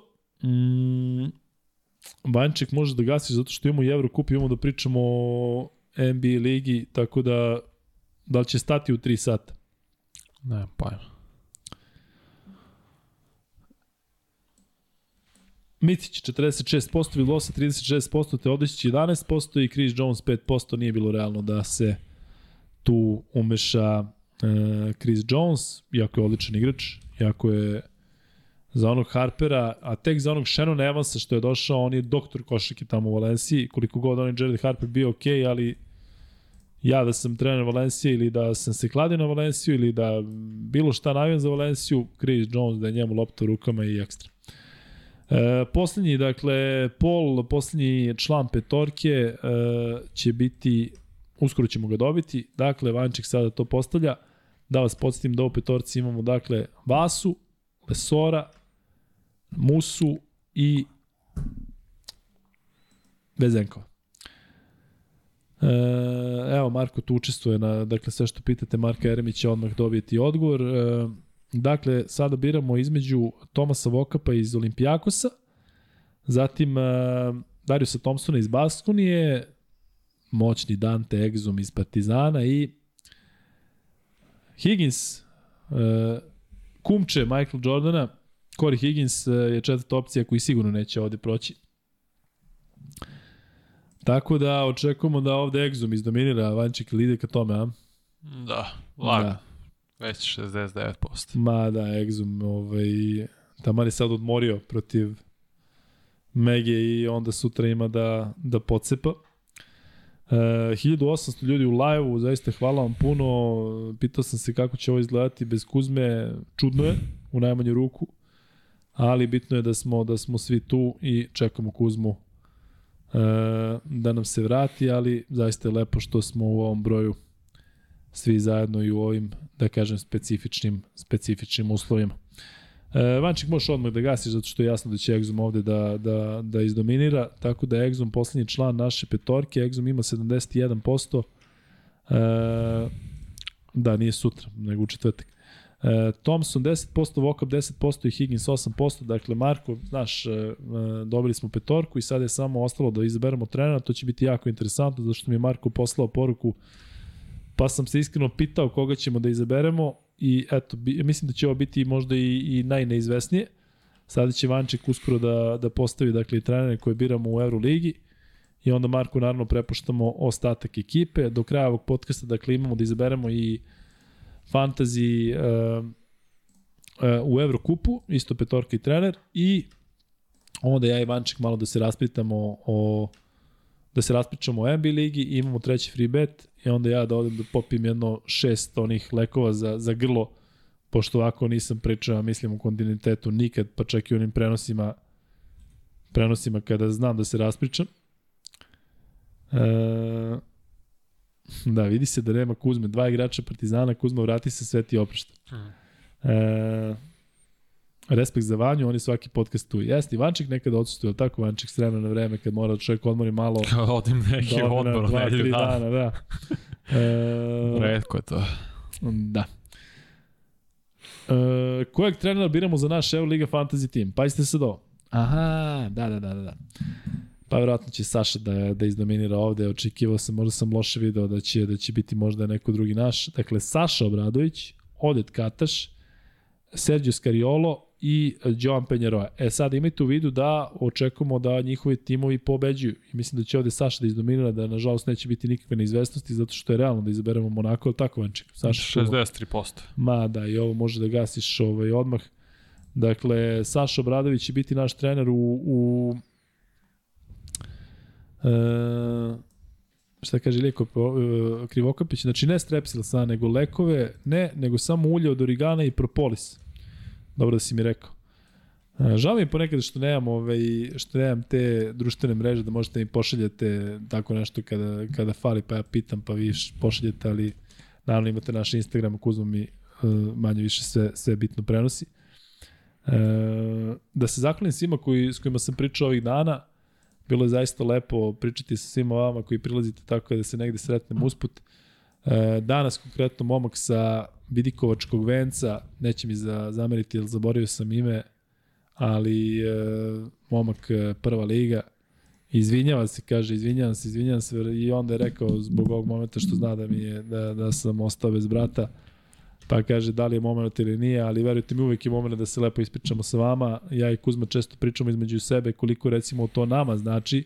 Znamo da znači i vama, ali recimo to kad se ne slikamo ili tako nešto, to je za nas onako lepa uspomena zato što uglavnom to pošaljete na Instagram, tako da uh, uvek priđite da se malo ispričamo i proćeskamo. Uh, Da igra Kamagate. Kamagate igra u Parizu. A pa okej, evo to ide sada. E, dakle, sad idemo dalje i e, biramo e, petorku za Evrokup. Tu ćemo malo da požurimo, tako da čim stiđem, stignemo do 200 e, glasova, odmah ćemo da gasimo kako ovaj podcast ne bi bio jedan od dužih. E, dakle, e, za centra u Evrokupu biramo ili Alfa Cabo iz budućnosti, ili Anta Tomića iz Juventuda, ili Kamagatea iz Pariza, ovo neko možda pomisli da je Partizan. Pa zato je pitam. Da, ili Alena Omića iz CD Vita Olimpije. Tako da, e, Kaba, znate Kabu, naravno, iz perioda kada je bio u Megi, Tomića znate, momak iz Hrvatske, zaista jedan od boljih centara, rekao, u posljednje dve decenije, kako, onaj, kako ima pregled igre i kako se lepo kreće i pravi onako e, inteligentan centar, čega danas nema mnogo. Šteta što je u godinama i što neće više nikad igrati Euroligu, ali mislim da je Juventud prava mera za njega.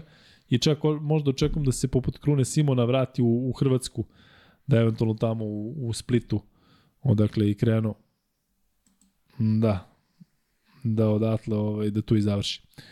E, Omiće znate naravno iz onog perioda kada je bio u Zvezdi. E, Kamagate je fizikalac, ali ne dopada mi se taj igrač iskreno. Vanček, e, kada pređemo 200 ti vote, ti slobodno možeš da, da gasiš, ili se vodi neka teška borba Pa ili... Tomić ima lepo prednost.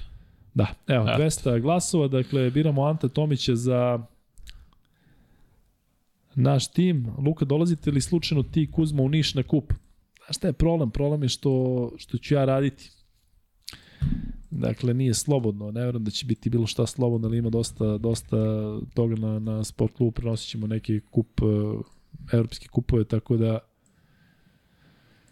Ne verujem, a iskreno volao bih da, da se vidimo tamo. Znam da ste nam predlagali da dođemo tamo, pominjali neku jagnjetinu i imamo iz Niša da zaista dosta poziva. E, Tomić 41%, Kaba 26, Tomić 18 i Kamagate 13. Dakle, Tomić nam je centar u Evrokupu. Biramo dalje igrače, Vanček može da staviš koga biramo sledećeg ako misliš da nisu svi sa te pozicije.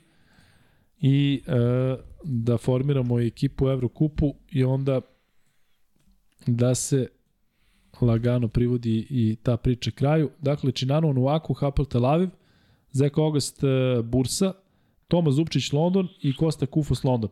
E, Toma Zupčić zna da donese mnogo poena. Toma Zupčić kada uđe u, u, u, u šut ima veliku slobodu tamo u Lionsima za ovog trenera Rajana Šmita za kojeg igra, ma da opet i Kosta Kufus i, i oni često onako na, na na putu da ostvari ili, ili, ili, ili ostvari double-double, tako da e, ja predlažem ovde da biramo momke iz Londona, Zupčić je iz regiona, Kosta Skufus je, trener, je centar koji je odigrao desetak sezona u NBA ligi, ali i dalje ima šta da da pokaže. E, pozivam vas da pratite Eurocup zato što se tamo ulazi u završnicu i sada su već meči bitni, jako e, nivo nije iz prošle sezone, naravno bi igrao je Partizan pa je bilo mnogo interesantnije, ali eto da pratimo i da podržimo budućnost pre svega. Znamo da ima mnogo vas koji ste iz Crne Gore i nažalost Cedevita Olimpija je daleko od play-offa. Daj Bože da se to promeni u korist Cedevita u nastavku, ali ja, meni se čini da će teško, posebno sa onakvom predstavom protiv MZT-a. Mislim da, da, da je Cedevita vrlo, vrlo da je u ozbiljnom problemu, a što se tiče e, budućnosti, da se nadamo zaista najboljem i vidjet ćemo dokle može ovaj tim. E, dakle, on Onuaku, ako znate, on šutira onaj granny style, e, slobodno bacanje, pa je po tome prilično poznat i specifičan. On je ovu sezonu počeo u Sasariju, ali e, kako se zove ovaj centar iz Hapol Telajeva što je otišao, otišao negde u Rusiju, koji je bio prilično slab. Tako da ovaj, ne bih predložio Onuaku, a ko vodi Vančik? Ovaj, August. August? 38. Eto ti sad.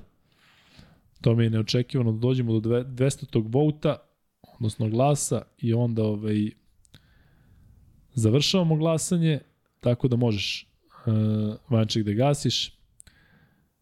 Uh, Augusta. Mhm. Mm Zek August Bursa 36%, Nuaku 25% i ovi moji Londonci koje sam predložio, Mrkva Kapa, to ja volim mom drugaru kažem Mrkva Kapa, ne Mrka Kapa, e, 20% Zupčić, Kufos samo 16%. E, dobili smo i drugog igrača u petorci Evrokupa, Marko znam da sve ovo pratiš, Biće interesantno da pratimo i u buduće. Ivanček, e, e, poslaću ti ovu tabelu koju je poslao Marko za, za NBA. Da samo to posle staviš pa da izlistamo NBA Fantasy tabela. Mm -hmm. Pošto ove timove pravimo, dakle imat ćemo, uf, posle sam nazad Marku, izvini Marko. E, sad ćemo to manje da prosledimo.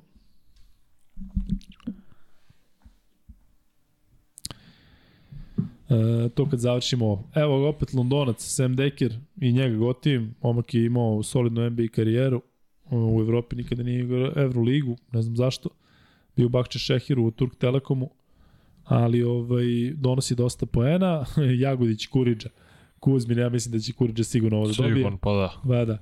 Dakle, Sam Dekker, London, Jagodić, Kuriđa, budućnost, to je pobednik eh, ovog pola sigurno, Onural Bitim koji je ozbiljno, ozbiljan igrač.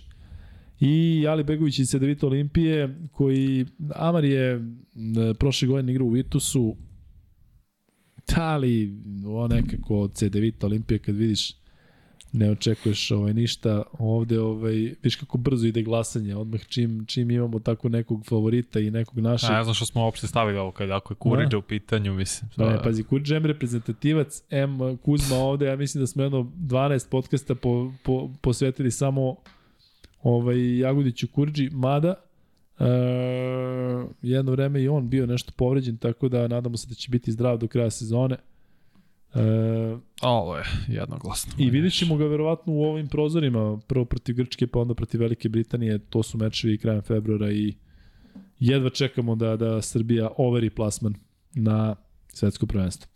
Kuriđa 50%, Deke 26%, Bitim 15% i Ali Begović 7%. Uh, iako pravilnika odsto da se kaže, ali uh, Kuriđa E, nije čak bio ubedljiv kao što sam mislio, znaš, mislim da će da odare ono, da će Pa, biti... pe, pa 50% skoro. Da. Da. Okay. Došao Deker, baš dobro. Mislim, inako, on igra na Wisconsinu, koliko se sećam. Da, da, bre, Deker je bre ozbiljna glava, nema, nema, nema šta. E, I da vas podsjetim još jednom da kada kompletiramo Eurocup tim i izaberemo trenera, da ćemo onda Evančik da pričamo o, o NBA ligi i svemu ovome što se dešava sa Kairijem. Mi, vi možete naravno e, možete naravno da nam postavljate pitanja kada dođemo do tog dela. Dakle, e, sledeći igrač, ovo nam je treći, ili tako, Vanček, u Evrokupu? Četvrti. Četvrti. E, Jogi Feral, CDVita Olimpija, Amadeo de la Valle, Breš, uh, da je kao neka de la Valle, bilo bi super. Jerian Grant, Turk Telekom i iz Hapoel Tel Aviva, Jacoban Brown. Ljudi, molim vas glasite za Jacobana Browna. Dakle, evo, ja vas sada molim, uslišite mi to da imamo Jacobana Browna, to je takav genijalac. Teško, Luka. Sve. Dajte glasite za Browna, daj pustit ćemo do Ferel 500. već. Ha? Ferel već. Pa glasuju iz Hrvatske. a? 56% lagano. Gde je Jacoban Brown? 17. 17%. Pa je sad ovo, nemojte da glasate za Jacobana Brown. Ovaj, 16%. Da, da, pad. Jacoban Brown je, bre, ljudi, car. Dakle, ne znam da li pratite, ali kada igra Hapoel Tel Aviv imate Činoanu Onuaku koji izvodi slobodna bacanja onako ovaj, granny style, ko Korać i ko Berry. I onda imate Jakovana Browna koji odradi toliko stvari pre nego što izvede slobodno bacanje. Dakle, prvo uh, poljubi jednu i drugu ruku. Objašnjavaju o čemu se radi, dakle, ima neke veze valjda i sa porodicom, pa onda pro, o loptu uh, provuče iza leđa, pa onda udari se tri puta u ovo, pa je onda baci za fljač i onda tapne. To traje, znači, više nego kod Janisa, ali vrlo, vrlo precizan. Tako da, nažalost, nećemo imati Jakovana Browna Ferrella. Pa dobro, skočio je, bra. Da, sko, skočio, koliko je skočio? Pa sad je 48-28. 428. Da. Aj, pustimo još malo. Ljudi, glasite za Jakovana Browna. Nemojte da lajkujete, ne morate da donirate na Paypal, glasite za sve, sve usmeravamo ka Jakovanu Brownu. Tako da, ovaj, e, da, ali ipak će teško da stigne, a? A, Kako je? teško. Jel prilazi? Nije, ostao isti. E, ga. Ništa, gasi Vanček da, da tog Ferela Kuzme, ne, sreće Kuzma nije ovde. Kuzma bi, ja mislim, napustio demonstrativno studio da zna da nam je Jogi Ferel u, u ekipi. E, ali dobro, Jogi donosi dosta, tako da nema šta. I treba da imamo naravno tim iz regiona, vidim da je Marko ovde sa pravom forsiraju se da vidi Olimpije, tako da nema šta. E, 47% Ferrell, Brown 28, Delavale 13 i Grant 10. E, ostane mi još jedan igrač, je tako? Yes. Tu, tu, tu, tu, tu. Idemo. Verovatno neki bekovi, nema, nema šta drugo da bude. bekovi su ponovo. McRae, Floyd. Aleksandre, kažeš, ja ne znam da se razumem u košarku, ali Feral nije košarkaš, mislim da bi te Kuzma ovde maksimalno podržao. Tako da, da ovaj, zanimljivo. Luka, ne brini, za tebe stavljamo ga na šesto. Je, hvala, Mare, znači Čikovana Brauna stavio ekipu i ima da pokidam. Evo Kuzminog favorita, dakle, uh, koj, kojeg sledećeg igrača biramo za naš Eurocup Fantasy team, poslednjeg petog, Jordan McRae, možda znate da je Kuzma pre nekoliko podcasta rekao da ga je oduševio kada je odigrao baš protiv Londona, mislim da je bio taj meč. E, zatim imamo e, Floyda, Greena i Spisua. Uf, Spisu, gde nađeste Spisua. Ali dobro, e, Green je u budućnosti, tako da je on iz regiona, sa te strane e, je onako prilično prilično zanimljivo, ipak, ipak je budućnost, tako da, eto, McRae kao bivši e, šampion e, NBA lige koju je osvojio sa Clevelandom, Floyd, zaboravite, Floyd e, nema šta tu da traži.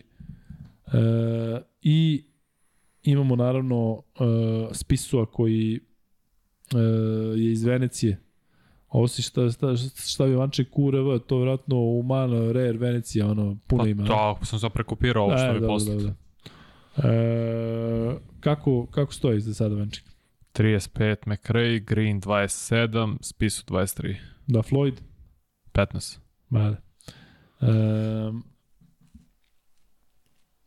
da dođemo do 200 tog pa da samo, da, Ilija upravo si to onaj spisu koji nas je upropastio, koji mi je upropastio moju komentatorsku karijeru. Prenosim Srbiju ovaj, na, na, svet, na evropskom prvenstvu i sigurno sam da bi prenosio polufinale i finale i čovjek uzme i, i ukanali nas neverovatno. Vrljavi spisuje. E, Vančik gasi, da me kreja, konstatujemo da je on ovaj, naš pet igrač, tako? Jest. Dakle, Jordan McRae uh, je dobio ovaj pol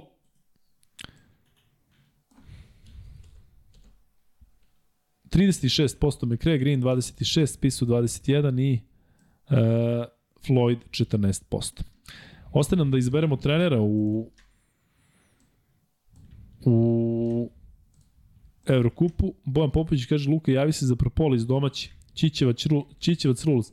Bojane, si ti iz one ekipe iz Čićevca koja, koja nazdravlja u onom videoklipu što mi je Kuzma poslao, poslao ako jeste, e, onda ovaj, mi je jako drago. Vidio sam da uživate svi Koga uz naš trenira podcast. Golemac? Juric Golemac trenira od Cedvitu. A to. Možda staviš Col ili Ced. Ced.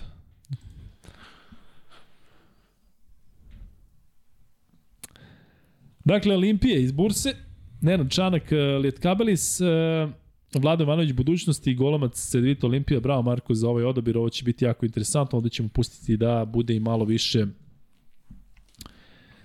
malo više e, glasova, pošto su ipak naši ljudi iz regiona i vode, evo, Jovanović i, i Golomac vode i timovi iz regiona, ali eto, Alimpijević verovatno veliki favorit, tako Vanček, a? 45% do sad. Pa da, Litkablis, znate da nam je Čanak bio gost i to je jedan od meni zanimljivih podcasta kada smo imali goste, zašto smo se ovde smeli non stop. Ovaj, e, ali nije realno, Litkablis ove sezone ima e, puno problema, čini mi se da je ozbiljno manji budžet, e, fali tamo nekoliko igrača da bi bili na onom nivou iz prošle sezone, tako da vidjet ćemo, ne znam da li ste videli, verovatno jeste da je Čanak bio iza klupe Partizana, kada je e, Partizan igrao protiv Žalgirisa, tako da je Čanak jedan super tip. Pre svega je bio odličan košarkaš, a mislim da njegova trenerska karijera može da bude samo sve bolje i bolje. E, Vanče Gasi, da konstatujemo da je Olimpije naš trener u Evrokupu i naravno Marko stavi Džikona Brauna u izmene i onda ove, ove ostale tako dopuni kako treba. Tako da Olimpijević 44%, Čanak 34%, Jovanović 14% i Golemac 5%. Ostalo nam je još dakle da ispucamo treći free bet i e, da pričamo o NBA ligi. Vanja, možda staviš pol. Da li hoćete prvo free bet ili da pričamo o NBA ligi? Da vidimo šta ljudi kažu. Verovatno, verovatno će da kažu da, da, da free bet ovaj, stave da bi ovi koji čekaju free bet mogli da idu da spavaju. Ali ovaj, e, Manček, šta kažeš uh, na to? Sad ću malo da te dovedem u neprijatnu situaciju. Si spreman? Da samo napišem ovo. Ajde. Ali spremi se, baš imam neprijatno pitanje za tebe. Ja da čekam. Može. Gledaj, pošto si ti ovde deo ekipe, a o Kuzmi i meni znaju sve, od Kuzminog pranja ovaj, e, sudova na Kipru do svega što je radio svuda i o meni i o koleđu i su, da malo ljudima ispričaš više o sebi, zato što ovde često sam si video postaje pitanje za koga navija Vanja, pa znaš, znaju, da, znaju ono kad su pričali da, da te vozim za Mirivo, znaju da si izmirio ali ne znaju da si igrao basket, da si, da si meni si pričao šta i kako, pa eto malo da se predstaviš ljudima. I pa, ove, pazi, što se tiče za koga navijam, ako mislim na Partizan i Zvezdu, ne navijam ni za koga. Pre sam išao da gledam Partizan, Euroligu, Jest. ono od 2004. Znači, kad sam imao 7 godina do 2010. Malte ne, skoro svaki meč sam gledao u Pioniru. I uvek ću pamtiti onaj protiv Barcelone, čini se da je bilo 67, 66, kad je bilo nekim čudom 8000 ljudi u Pioniru. Da, ja ne da. znam kako smo mi svi stali tamo.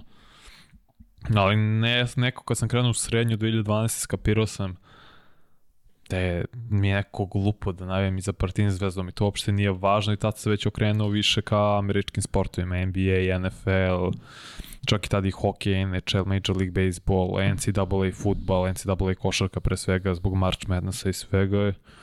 I neko ono, prestao sam da navijam ono, za Partizan Dobro, ali trenirao si basket, tako? Jeste, igrao sam košarku, tako je, tako je. U, nešto?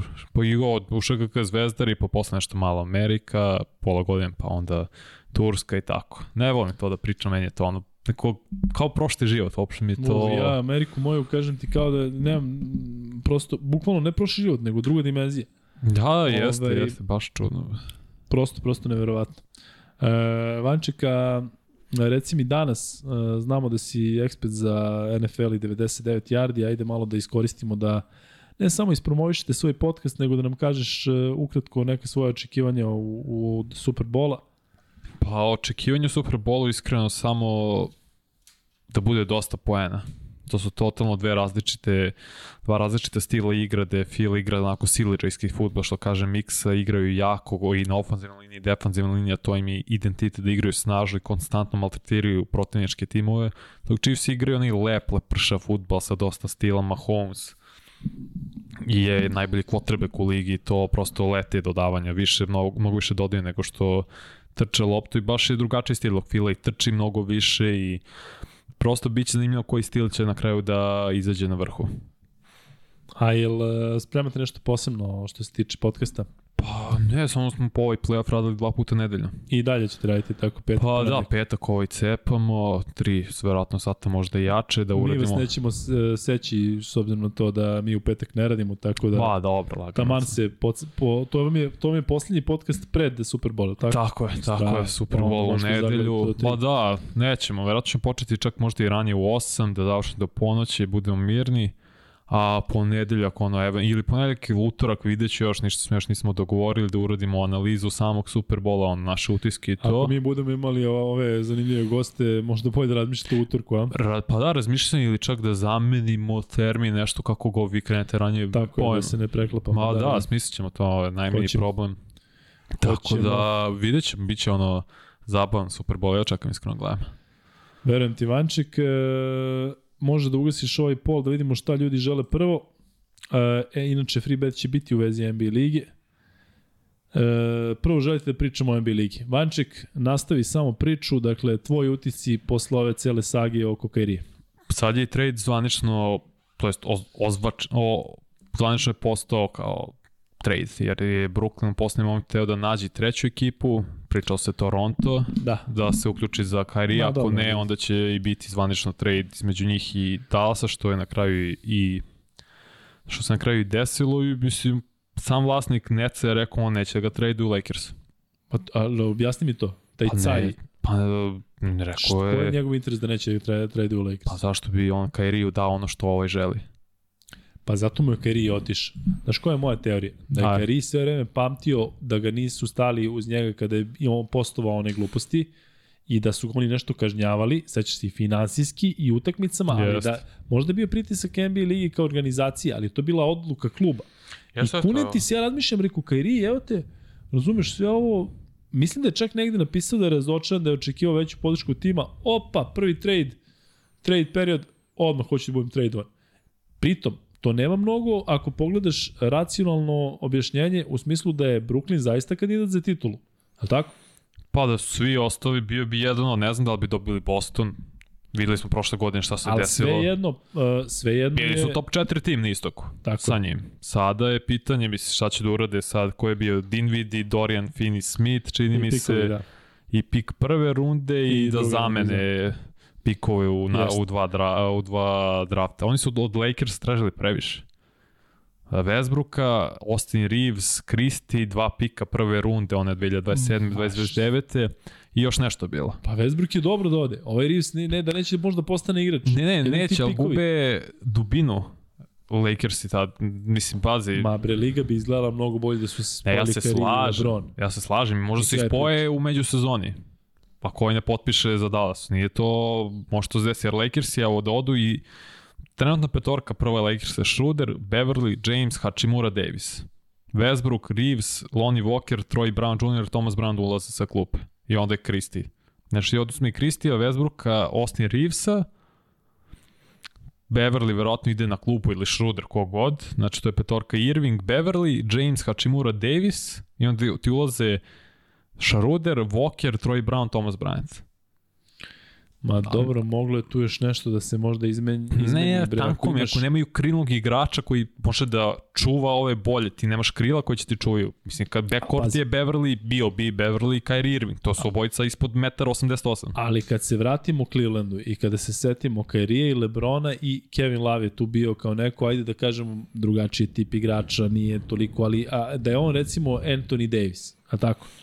Jasno. Ovi ostali igrači, J.R. Smith, Iman Shumpert, ko je još tu bio? Kendrick Jake Perkins. Crowd, šta ću da vidim? Te, te, te 2016. Da, ali pazi, oni su svi samo tamo napravili, da kažem nešto. Gde Iman Shumpert danas? To je dečko i dalje ima godinu. Igra u da igra Knicksima dobro, mislim, ono Pa igra, početku. igra je okej u Knicksima kad je bio mlad i posle toga se potpuno izgubio. J.R. Smith, Bio je Richard Jefferson, Jefferson bio je Channing Frye, bio je Shumper, Smith, Tristan Thompson. Tako, mislim, ali sve su to igrači koji, koji Ali su nigde- tela. ni- to su igrači za ekipu. Dakle, za ekipu gde se zna da će Lebron, Lebron i Kyrie da čine sve i Lav je davao što? Sve Jest. ostalo je, pa taj Jordan McRae igrao tamo.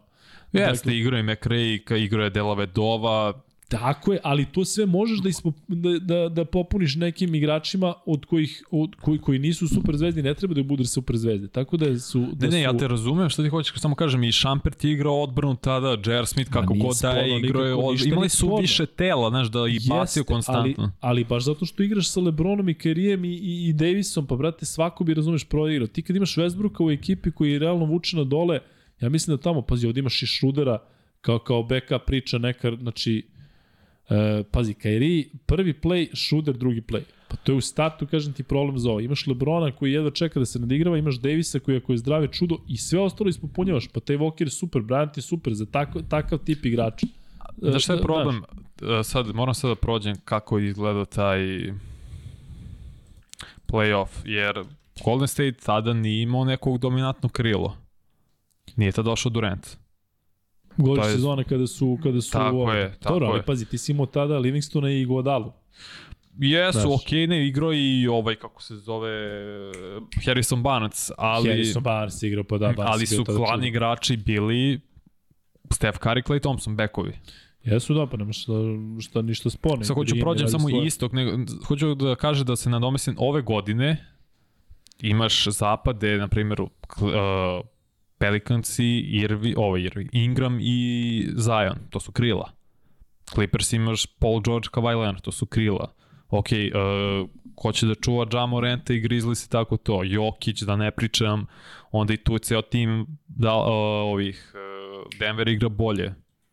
Lu- Luka Dončić je de facto play, ali ima še, dva metra. Jeste. Mislim, I njega Stvarno treba tri. neko da čuva. Treba više tela takvih. Već je problem na zapadu što su primarni igrači uglavnom krila i treba njih da nađeš način da čuvaš. Ko će čuva Devin Bookera, nije krilo, ali ima 1,98 m. Da, da. Back shooter, ne možeš da staviš Beverlya koji ima 185 i nije više taj defanzivni igrač. U, u tom smislu bi gubili. Samo gledam, Toronto je bio tada, a koga je išao Cleveland? Igrao protiv Detroit, to je kanta. Atlanta koja je isto kanta kad gledaš oni kad vide Cleveland to je Lebrona ono Dobro, u onom Toronto periodu isto. malo ranije je bio sa Millsapom, Horfordom, E, to je ona sa, godina bi- sa Schroederom. to je ono godina kad su imali četiri All-Star igrača Tako je. i tako je, 4-0 su izgubili.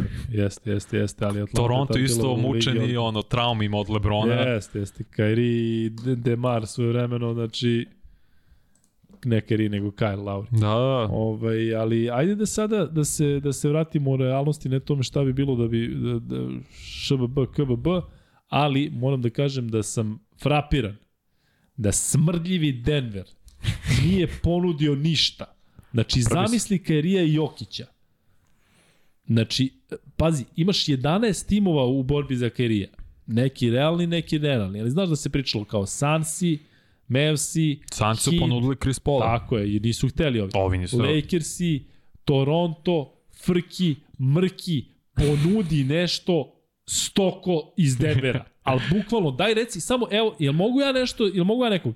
I reci, evo, Jokića ne damo, Ali- sve ostalo damo, biraj, caj, gospodine caj, birajte ovo. I onda ovaj kaže, aha, ovo, evo, ovo, Da. Highlanda neću, pošto Highlanda neće niko, dakle, sad bira ovo. I zamisli Kairija i Jokića u ekipi. A kako možeš I dođemo ti... ja, ti i Kuzma da popunimo petorku. Ovako se uzima titula. Ok, Ima Ne da smisla, ne, Ne ima razumem te. smisla, nego samo ponudi, ne, Ne. mora da bude. Ne, ne, razumem te, ali evo kontra argument. Denver je prvi na zapadu ubedljivo sad.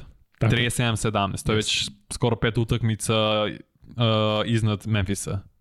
Što bi ti urušio hemiju, razumem te, a možda gledaš njihove strane. Prvi Znaš smo zašto? ubedljivo, Evo, sad ću ti kažem kako te razmišljaju. Jel kada budu prvi i kad se ja oćelavim, i kada budu izgubili u, u finalu konferencije, onda ću ja da odem tamo da ih polupam. Treba da razmišljam o meni, da, da e, onaj Luka, da se čuvam od njega. Evo, da bukvalno da ono. Ja ti kažem, ja Denver shvatam lično. Dakle, svaka čast Jel Mariju. Denver nekad pravio velike trejdove? Doveli su Gordona, je li tako? Doveli su gore, nije to veliki trade. Pa nije, samo konstatujem koga su doveli. Carmela su trejdovali, kad je bilo ono Knicks 2011 ili 12. Nisu oni pa- pravili a- a- nekad... Pa dobro, možda zato što su mentoli, možda ne znaju, znaš, Pa možda treba možda, da ono možda, kao, e, nije možemo, znaš. Da, Ali pazi, imaš Jokića i možeš da dodeš Kairija. A Dallas se vodi baš tom, baš tom logikom što treba ovdje da se vode. Daj da ja sam damo rekao- Dončiću nekog superstara. Dallas Ono je ja očajan. no- Pa to da Dallas je očajan i oni moraju zato što oni nemaju kvali, toliko kvalitetan tim kao Denver. Denver ima realno mnogo bolji tim od Dallas, da se ne lažemo. Ne, Petorku, ne mnogo bolji. znaš koja petorka ima najbolji onaj plus minus u NBA? Ubeljuje petorka Denvera. Ma jeste, okej. Okay. Znaš, Da. to je, mislim, Jokić, Marej, Porter, Gordon i ko je Kentavius Caldwell Pope, to je ozbiljna petorka. Jeste, ma ne, nije ni sporno. Stvarno je ozbiljna Sa petorka. Bruceom Brownom na klupi, e, sa, sa Jeffom Greenom, da vidim da je sad povređen, ali Denver ima stvarno pristojan tim. Pa naravno da ćeš da imaš pristojan tim kada ti je ovaj Jokić koji, ti, koji, koji drži ligu u malom prstu sa 41. pozicije biran. Pa hvala Bogu da će vremeno da se slože kockice i taj ni Marej, ni Porta nisu bili lat, loteri pikovi, je tako? Mm, je. Porter nije zato što je bio povređen, Tako ali je. Jamal, Ma nešto, sedmi i koji. Šta Sad znači? Pa ju, ne znam, čekaj se će... Ne mogu setim. Sedmi pik, pa Pa dobro, to je loteri. Ma dobro, ali nije bio top 5 pikova da kažeš sada, ne znam, znaš, od njega se očekuje, nemam pojma šta. Sad Ovaj, Dallas e, ima mali problem sa sastavom generalno, to je niska kako ne? petorka. Kako ne? Plotčić, Kairi, Tim Hardaway Jr. isto ima šta, 194, Reggie Bullock. Jeste, ali Christian svejedno kad imaš Wood. ta dva, dva fenomenalne Mislim igrača. će biti prelepa košarka, se razumije, ja jedva čekam to da vidim Jeste. na terenu. Ne znam da će biti dovoljno lopte za obojice, za obojicu da se razumemo, to je već druga stvar, ali mislim da mogu prelepo da igraju, kao što su igrali Harden i Kairi u, necima. Tako je, tako Nešto slično tome. I samo mi reci, šta misliš, e, da li, šta, kako će se ovo odraziti sada na Durenta? Gde treba Durant da ide, pošto i on hoće da ide, Pa ne može nigde da ide, prvo ima god, u- ugovor još tri godine, ne računajući ovu. A je to prvo. Kairi je bio slobodan agent, pa je tražio trade i zato su ga trebali. Bolje dobio nešto nego ništa. Ali pazi, napraviš trade gde je nervozan e, ovaj, Čudno je, izvim što prekinem situacija u Brooklynu da u 13 meseci i Harden traži trade, i Durant traži A trade, jeste, i da, Kyrie to je traži trade. To je baš čudno. sredina, to je mnogo čudno. znaš. To nije slučajno. Ovaj, Ali i sad, će Durant, ne, ne znam. sad Durant ostane tu sam, pazi, vidio si da Dinvidija kao neće ostaviti u timu, jesi to vidio da, da kao će ga poslati? A hoće ost ostać. Hteli su njega da traduju u Toronto, da njega prosto zapravo u Toronto dođe Fred Van Fleet ili dođe Sijakam, nešto, nemam pojma sada gde će. Pitam taj Dinvidi je ozbiljna glava, znaš. On je, on je Ali ozbiljan košarkaš. ovaj, ja njega, kažem ti, prilično, prilično gotivim i dobar je bio baš u tom Brooklynu. Sećaš se ono jedne sezone, Jest. dve sezone, on ono, za najbolji... njih, treba bude All-Star igrač. Jeste, jeste, jeste. Ali ne znam šta će KD, gde će i da traži. Mislim, ljudi, timovi sada gledaju tu situaciju šta se dešava s njim. Motre, što bi se reklo. Da, da. I pitanje, verovatno će ga tradeovati u među sezoni, sumnjam da će im napraviti nešto do četvrtka. I ko bi sad to hteo da uradi, s koji može, sanci mogu. Ali znaš šta je, znači, evo sad ovdje neko pominje ovaj, što mi ben, Bena Simonsa više ne pominjemo nigde. Znači, Ben, Ben Simons se ne Ante. pominje kao, op, kao košarkaš uopšte. Strašno, Znači, to je tu tužno. Lik, brate, ono. Tužno, jest. Mo, ne, ne znam, Ovaj- Brooklyn je baš u teškoj situaciji sada i verovatno će završiti u play-offu i to će biti ono sedmi, osmi, možda šesti, ispašće, ispašće u prvoj rundi. A gde bi mogao Durant, to, to je mislim pitanje za, među, za međusezonu. Kad se završi sve i onda lepo svi da sednu i na papir da stave gde bi mogu, gde on želi, šta Znaš najviše mogu da dobiju. Znaš gde? U Denver. Eto. Eto, kažem ti, znači ovaj da kaže, iđe i kaže dobar dan, Dobar dan. Mi nismo, mi nismo za Kairija, nismo znali, nismo čuli Vož javio, nismo bili informisani. E sada za Durenta dajemo vam sve, svih 11 igrača, pare, znači Pikove. ribe, e, šta god hoćete, samo nam dajte Durenta i onda Durent i Jokić igraju zajedno Dobro. i kažem ti povuku iz, iz, iz NBA lige 10 igrača, mrtav sam ozbiljno, znači, ljudi misle da se ja zezam. Pa Jokić od NBA G liga igrača napravio, kažem ti, ozbiljne, ozbiljne igrače. Ko je čuo ranije za Bizlija, za Krega, za, za, za Montea Morisa? Ili bi oni, ili će oni sada naprave ne znam kakve karijere? Pa, ne, jako igraju korektno, ali, ali kažem ti, on, vidi, evo, najbolji ti je primjer Aaron Gordon. Dakle, Aaron Gordon čovjek uživa igrajući sa, sa, sa Jokićem. Jeste. Dakle, tačno izvuče iz tebe najbolje. I kraj prič. I kažem ti, ako već, ako već ti nešto nije jasno, uzmi dovedi igrača iz Evrope. Ozbiljno ti kažem. To dovedi tog Vasu Micića, dovedi ovog, dovedi onog, kažem ti, sklopi neki tim, vrati neke, neke igrače koji su igrali u NBA ligi. Do, vrati Howard, evo, dovedeš Howarda iz Baskori. Ozbiljno ti kažem, zoveš i pitaš, je, brate, bi si ti vratio kod nas? I kraj priče. Tako da, ovaj, Jokić neće nikada ništa uraditi sa Denverom ako ne bude pored sebe ima još nekog, ne, ne all-stara, nego superstara. Jednostavno tako to mora. Pa dobro, tako liga funkcioniše, tebi su neophodno sad dva superstar igrača u timu da bi se nadao da uzmeš prsten. I Malone bazi, vodi, vodi all-star ekipu. Pa dobro, prvi. Ne, ne, neki pišu Brown za Durenta, ne verujem ni da će Boston da, pa pa opet prvi su, mislim. Teško je raz, da traduješ jednog od najboljih svojih igrača za Durenta, ne bi samo išao on, već još, još pikovi, ko zna šta, uništavaš i hemiju tima i sve, onda bukvalno si dao svom timu restart na sred Da. sezone, što ja, ja mislim da ne treba.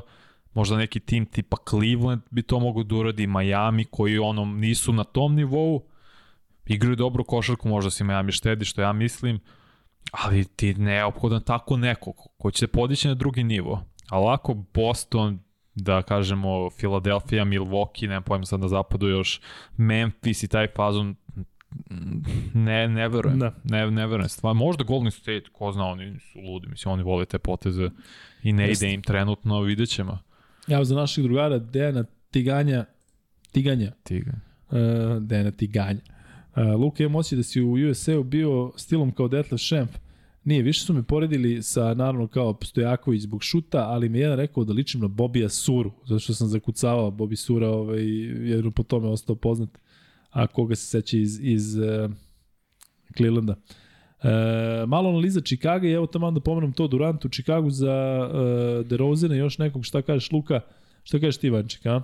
Jel, bi, jel, do- jel opcija za, za Duranta Chicago? Meni to dalo je kao idealno. Daš Levina, daš... Ne bi dao Levino onda. Kako miš ne bi dao? Da bi onda DeRozan. Dao bi starijeg igrača. Šta, pre bi dao DeRozana nego Levin? Nemoj me zezati, on je Levin, Stvarno. dečko bre, dijabola na kvadrat je. Pa ne ozbiljno, ono je teška dijabola, kažem ti, gledam, gledam ga, znači on se zaleti kao june, razumeš, i što je najgore, ima onaj odraz, ima onaj korak, I, Ali ima i, ovaj- lepo igru i lepo Ma, sa lepo polu distance izgleda. i distance i Ne, trojke ma. fenomenalno. Ima kompletnu igru u napadu. Šta? Ima kompletnu igru u napadu. Bre, Možda nema igru leđima, ali sve ostalo je tu, a ja bih davio, dao DeRozena, DeRozan ne bi dao nikako iskreno. Dragića, Da, bi, ne znam da li, da li Lonzo se uopšte ne znam negde šta je s njim, razumeš? iskreno, ne, ne, neće ga ni ovih teti, jer nemaju predstavu šta s njim dešava.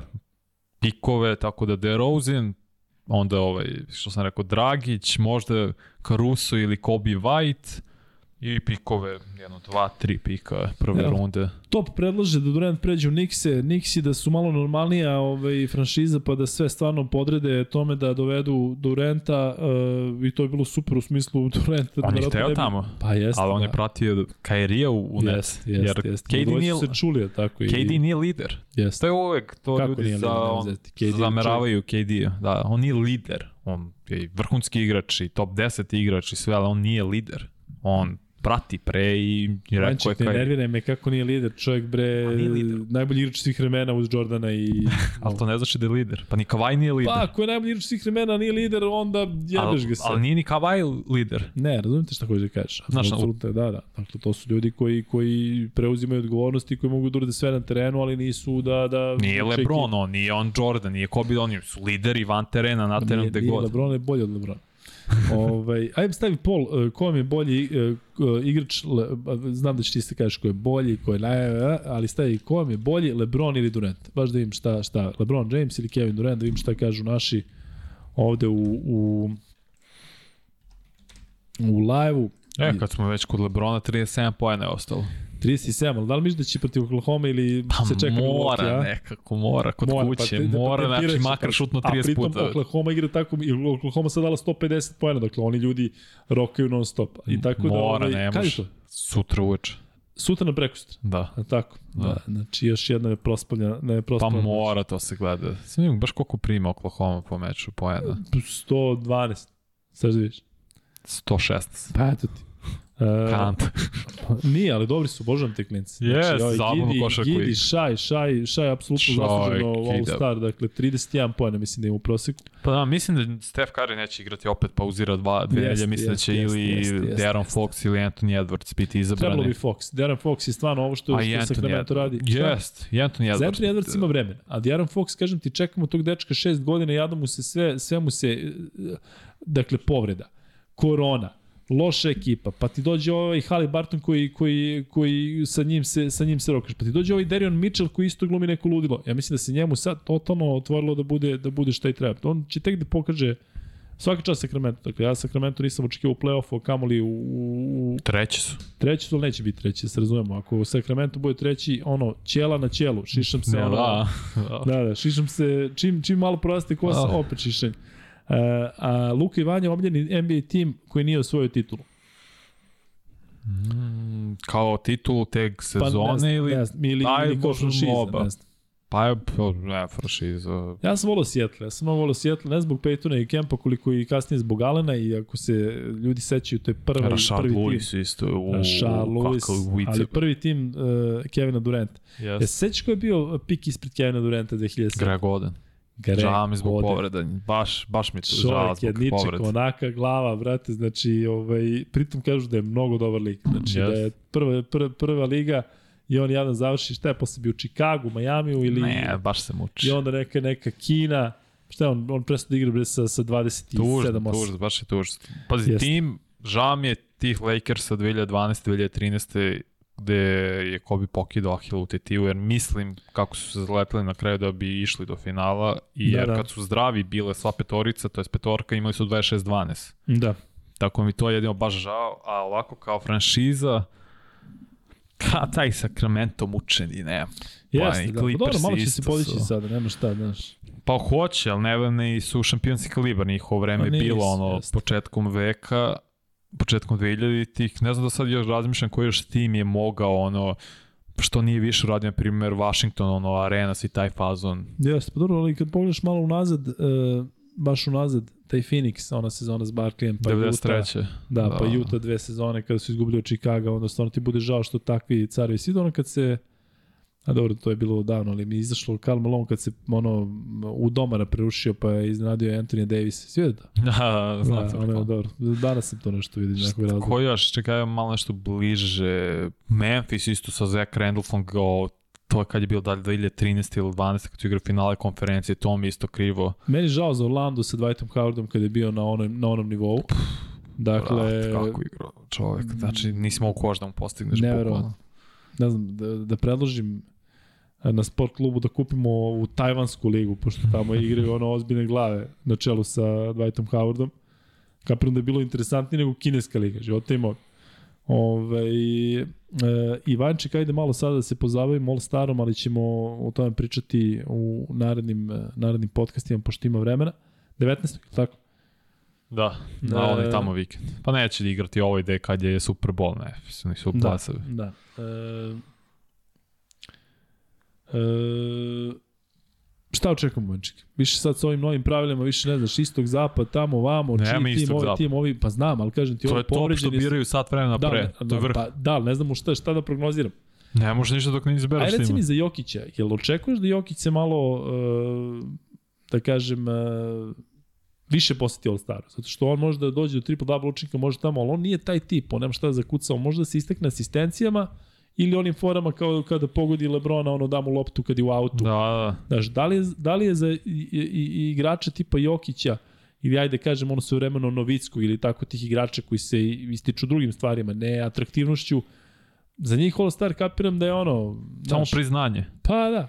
Samo priznanje, kao Jokić igra 30 Lambo, poena, da. Pa kao Marcos Aldridge, što ono, Da. mislim, All Star si zasluženo, ali nije to jedino ako se ono poslednje četvrtina odigra gu, gusto kao što su umeli, ali nije to za takve igrače. Mislim, Yao Ming isto nije sad nešto wow igrao na All Star meču, to je bilo brza igra, igra se na poen više konstantno, ali ima moment kad se zaključuje odbrane. Da, da, jeste. E, Latrell Sprewell, Luka. Da, Latrell je bio super. kad je Nixi davio- 99. Jeste. kad su ušli ono u Jeste, finale jeste, nije otkud to je bilo ludo. Ali kad je davio PG Kalisima, to je bilo ovaj, ludilo.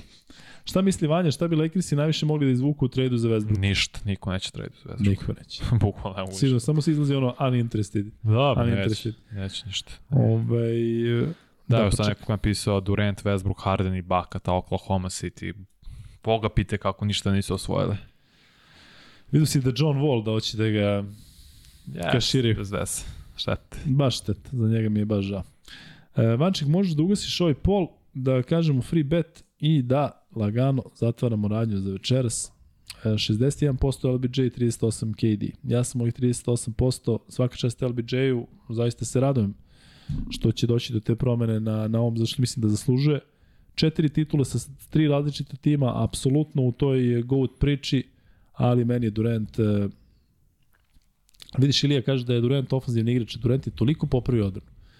Da je to nevratno. Oni Clay Thompson su u jedno vreme toliko napredovali od tih ono surovih napadača uh, odbrambeno da sam pratio recimo Kleja p, ona sezona kada se povredio, pa i sezona pre toga, to je takav napredak u odbrani. I Durant koji sa onom građom možda čuva ovaj A to je zato što su ga povukli, on nije igrao Oklahoma odbrana. nije, to povuklo nije, ga jeste, i i vidi da cela može, franšiza. To su, to su mu sve i zamerali, znaš. Jeste, da... da, može, ali prosto ja u Golden State tih 3-4 godine igrao odbranu na poprilično dobrom nivou. Mislim, jedan od Jeste. najboljih ofenzivnih igrača ikada, to je top 3 sigurno, ali nikad se odbrani nije davao. I Da. on je otišao u Golden State koji je bio sklopljen tim, da se razumemo. Jeste, nije sporno. Mislim, pobedi uz, dobili su... A pazi, kad pogledaš danas Westbrooka, pitaš se da, da, šta bi bilo recimo da su Westbrooka tradovali umesto Hardena. Onakav Harden. A Harden onakav je loši u play-offu bio nego Westbrook, kakav god da je.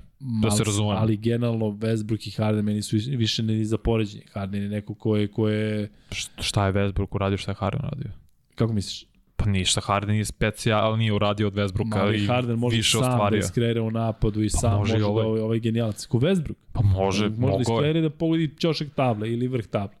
Ne, Beleže je triple-double ti, sa 30 pojena. Jeste, Westbrook ima četiri sezone sa triple Tako double. je. Mislim, to Četiri je- sezone sa triple double. Kad pogledaš to i kad pogledaš ovo mučenje danas, ali vidio si ovaj njegov, znaš šta, zašto ja uvijek imam neki respekt prema Westbrooku? Zato što znaš ovu priču o Kelsey Barsu u trećem, ovom njegovom ortaku koji je umro Da, da. od uh, srca, uvećenog srca sa 16 godina, a bio je veći talent od njega i onda je rekao, e sad ću ja da kidam i onda je ušao onaj Kobe mod, znači trener po ceo dan samo, tako da Westbrook Čak ni stvarno... na UCLA-u nije bio ništa wow. Nije, nije ali je, on, on, bila je priča da, dakle, san njega i Kelsey Barsa je bio da, da obojica igraju na UCLA-u, ali ovaj je bio mnogo interesantniji. Znači, naš, tipa, mogo je verovatno da bira, već na toj drugoj godini high schoola je bio toliko interesantan svim koleđima, tako da baš jedna tužna priča. Ako, ako možete to da pronađete, ne znam da li ima Kelsey Bars, se zove taj momak koji je bio najbolji drugar Russella Westbrooka, odrasli su jedan preko puta drugog i ceo život bili nerazdvojni i onda je ovaj jadnik preminuo, ali je neverovatno to, ta, ta priča iz njihovog high schoola, da kad je on pao tokom utakmice, pošto je bio, bio je dečko interesantan, zanimljiv, bio onako da kažem showman, svi su mislili da se šali. Dakle, to je bilo ono kao svi ha ha ha, vidi ovaj, ovaj zeza, znaš, neka mu je fora i onda su videli da su, mo, da su moči odele, ošto otišli iza, baš, baš teška priča. Ono, ježio sam se i dan danas Westbrook ima narokvicu. Um, KB3, mislim mu sećanje na, na, na njega. Ne, neko je pitao, mislim da im ko Evo, Vanja, tačno. šta misliš kako bi se uklopio KD Da. sa Lillardom, Mladen Super. Jurganović? Mislim da se sjajno klopi. iskreno. Misliš, a? Da. Mislim da bi to bio baš dobar tim. A jel misliš da bi trebalo da ide ovaj vamo ili ovaj vamo? Portland ili Brooklyn kada bi već trebalo da ih... Ovo je Portland. KD, jel? Da. Pa da, ali nemaju šta da, da, da, da šta Pa da nemaju, ne znam, pikove, Simonsa i Šarpa Grant, i Grant, pikove. Grant, mislim da je Grant. Aj se da bi je Grant trebao da ostane. Možda Da ili njega, pa ne možeš i, sa, Da, i da Simonsa ponudili, ili... Ponudili su mu nešto. Produži ono Da, ugovor. da, jeste. Jeste, jeste. Taj Grant je uzdo Ne, ili ne, ili su mu ponudili, ali će vidjeti Tako na, nešto. u međusezoni Jest, jest, jest, šta će da. još, kako će, ali tu je ponuda svakako. Ali, Ali ja mislim da je on 4 godine 80 miliona, da je uzeo 20 milki. Ne znam. Na E, Jokić. šta? Na Jokića je uz 20 minuta. E, to, to ti kažeš. E, Dobro, nisi. Vanček, hoćemo da ispucamo free bet pa se, se razilazimo, ulazimo u četvrti sat podcasta bez Kuzme. Ne znam kako smo ovo izdržali, ovo će Ne biti... Uh, Puci. pričat će se za 10 godina kako je ovo izvedeno. Ali smo nešto preskočili. Sad smo imali Partizan Zvezda, Fantasy, Eurocup, Euroliga, NBA Liga. Jedno BFC-u nismo pričali, a? Pa ne, ne znam ništa Da. o Beo, BFC, ni o Beočinu, Ne, ne, ni o ali nismo Beopetrolu. nešto, nismo nešto aktualno propustili. On. Ovaj, verovatno nismo ništa. Nek treći free bet bude ovako. Imaš ti neki imam ja jedan u glavi, a? ne, ne, ne, ništa mi ne Imam ja free bet. Danas je 133. podcast. Vi nabrojite pet košarkaša koji su uglavnom iz NBA ligi, koji su nosili broj 33 i uh, ko prvi na broj uh, petoricu, samo prezimena, dobit će treći free bet naših drugara i partnera iz MaxBeta i moći će da se kladi evo na sad ove lude meče koji dolaze, dakle imamo Euroligu, Eurocup, ima sve i svašta, tako da eto, 36, 37, ne znam zašto ovde neko ljudi odgovaraju ovako, ali Ne, valjda koliko pojena fali Lebronu. Aha, 36 za 37. izjednačenje, 37 da pređe, tako? Tako je. I čuo se da će Karim da prisustuje. Mi nisam očekivao da će doći, ali... Pa, e, treba, kupu to je lepo. Kao, obezbedio je mesto i za Oklahoma i za Milwaukee. Kao Ja će- pa dobro, to je lepo, treba. Da, znaš da je on, ne mogu da kažem baksus, nego on čovjek živi u nekom drugom vremenu i on čovjek jednostavno... Ono, Ja, on bi neki svoj neki pogled ima čovek Jest. i to je skroz okej. Vančik, sad ovo ti vidi da li je u redu. Dakle, uh, Karim, Scotty, Otis Top, to su tri igrača. Treba nam petorica. A Marko Topala, u, ček, ček, ček, ček, da vidimo, da vidimo. Miloš Tubić, je to okej. Čekaj, ali Milan Hmm. Jovanović, okej. Pippen, Marko Topalović iznad, čekaj da nem je top. iznad Stevan Stanković. Live chat. A, Milan Jovanović, evo ga i To on. ti kažeš. Ili on prvi, Evo a? ga, sam da vidim. Piper, Pippen, Neka. Pip, bi. Morning, Alonzo Morning, Grant Hill i O'Neal. Tako je.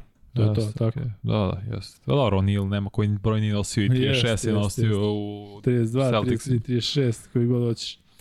E, Milan Jovanović. da, ali pazi što je, što je najgore. Sad ćemo da Šta? vidimo da li je to... Mislim da je... Alonzo Morning nosio šta, 32? Ne, nego gledam da li možda Jermaine O'Neal u nekom trenutku svoje karijere nosio 33. Znaš, Pa, u kažeš O'Neal- Pacersima. A? U Pac- u Pacersima, zar Pa, nije? tako? Ne znam.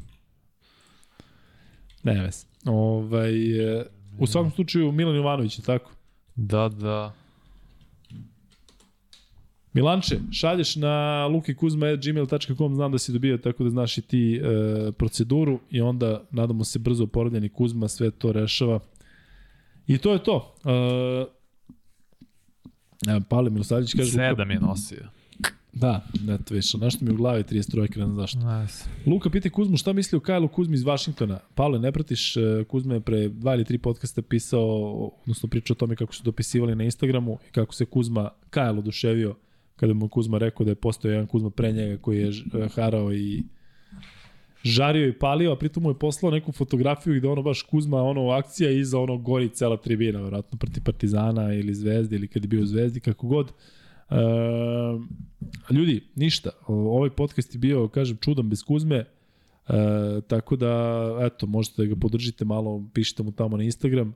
Znate da možete da podržite sve ovo što radimo preko Paypala i preko Patreona. Hvala svima koji su donirali danas. Hvala svima koji su bili uz nas. Da vas podsjetim još jednom da ćemo u četvrtak raditi uh, odjevu u Zvezdi Partizana, pošto jedni i drugi igri u četvrtak i da onda nećemo raditi u petak, što se da malo lepo pogodilo zato što 99 yardi ovaj, tada može mirno da, da radi, da, da ne moraju da ovaj, brinu o nama. Ali svejedno, um, hoću da vam kažem da je zaista bilo zadovoljstvo sa vama i sada u ovim čudnim uslovima kada nismo kompletni i da se nadam da ćemo uh, biti kompletni već u četvrtak, a da najavim da ćemo uh, imati jako interesantne goste uh, u narednim podcastima, ne u četvrtak, ali uh, narednih nedelja posle toga. Uh, ide ona pauza sa kupom, pa eto, bit će i za nas malo, malo prostora da zovemo neke ljude koji inače i ne bi mogli. Tako da sve u svemu, uh, hvala puno što ste bili uz nas, 133 gotova, vidimo se u 134 u četvrtak. Uživajte.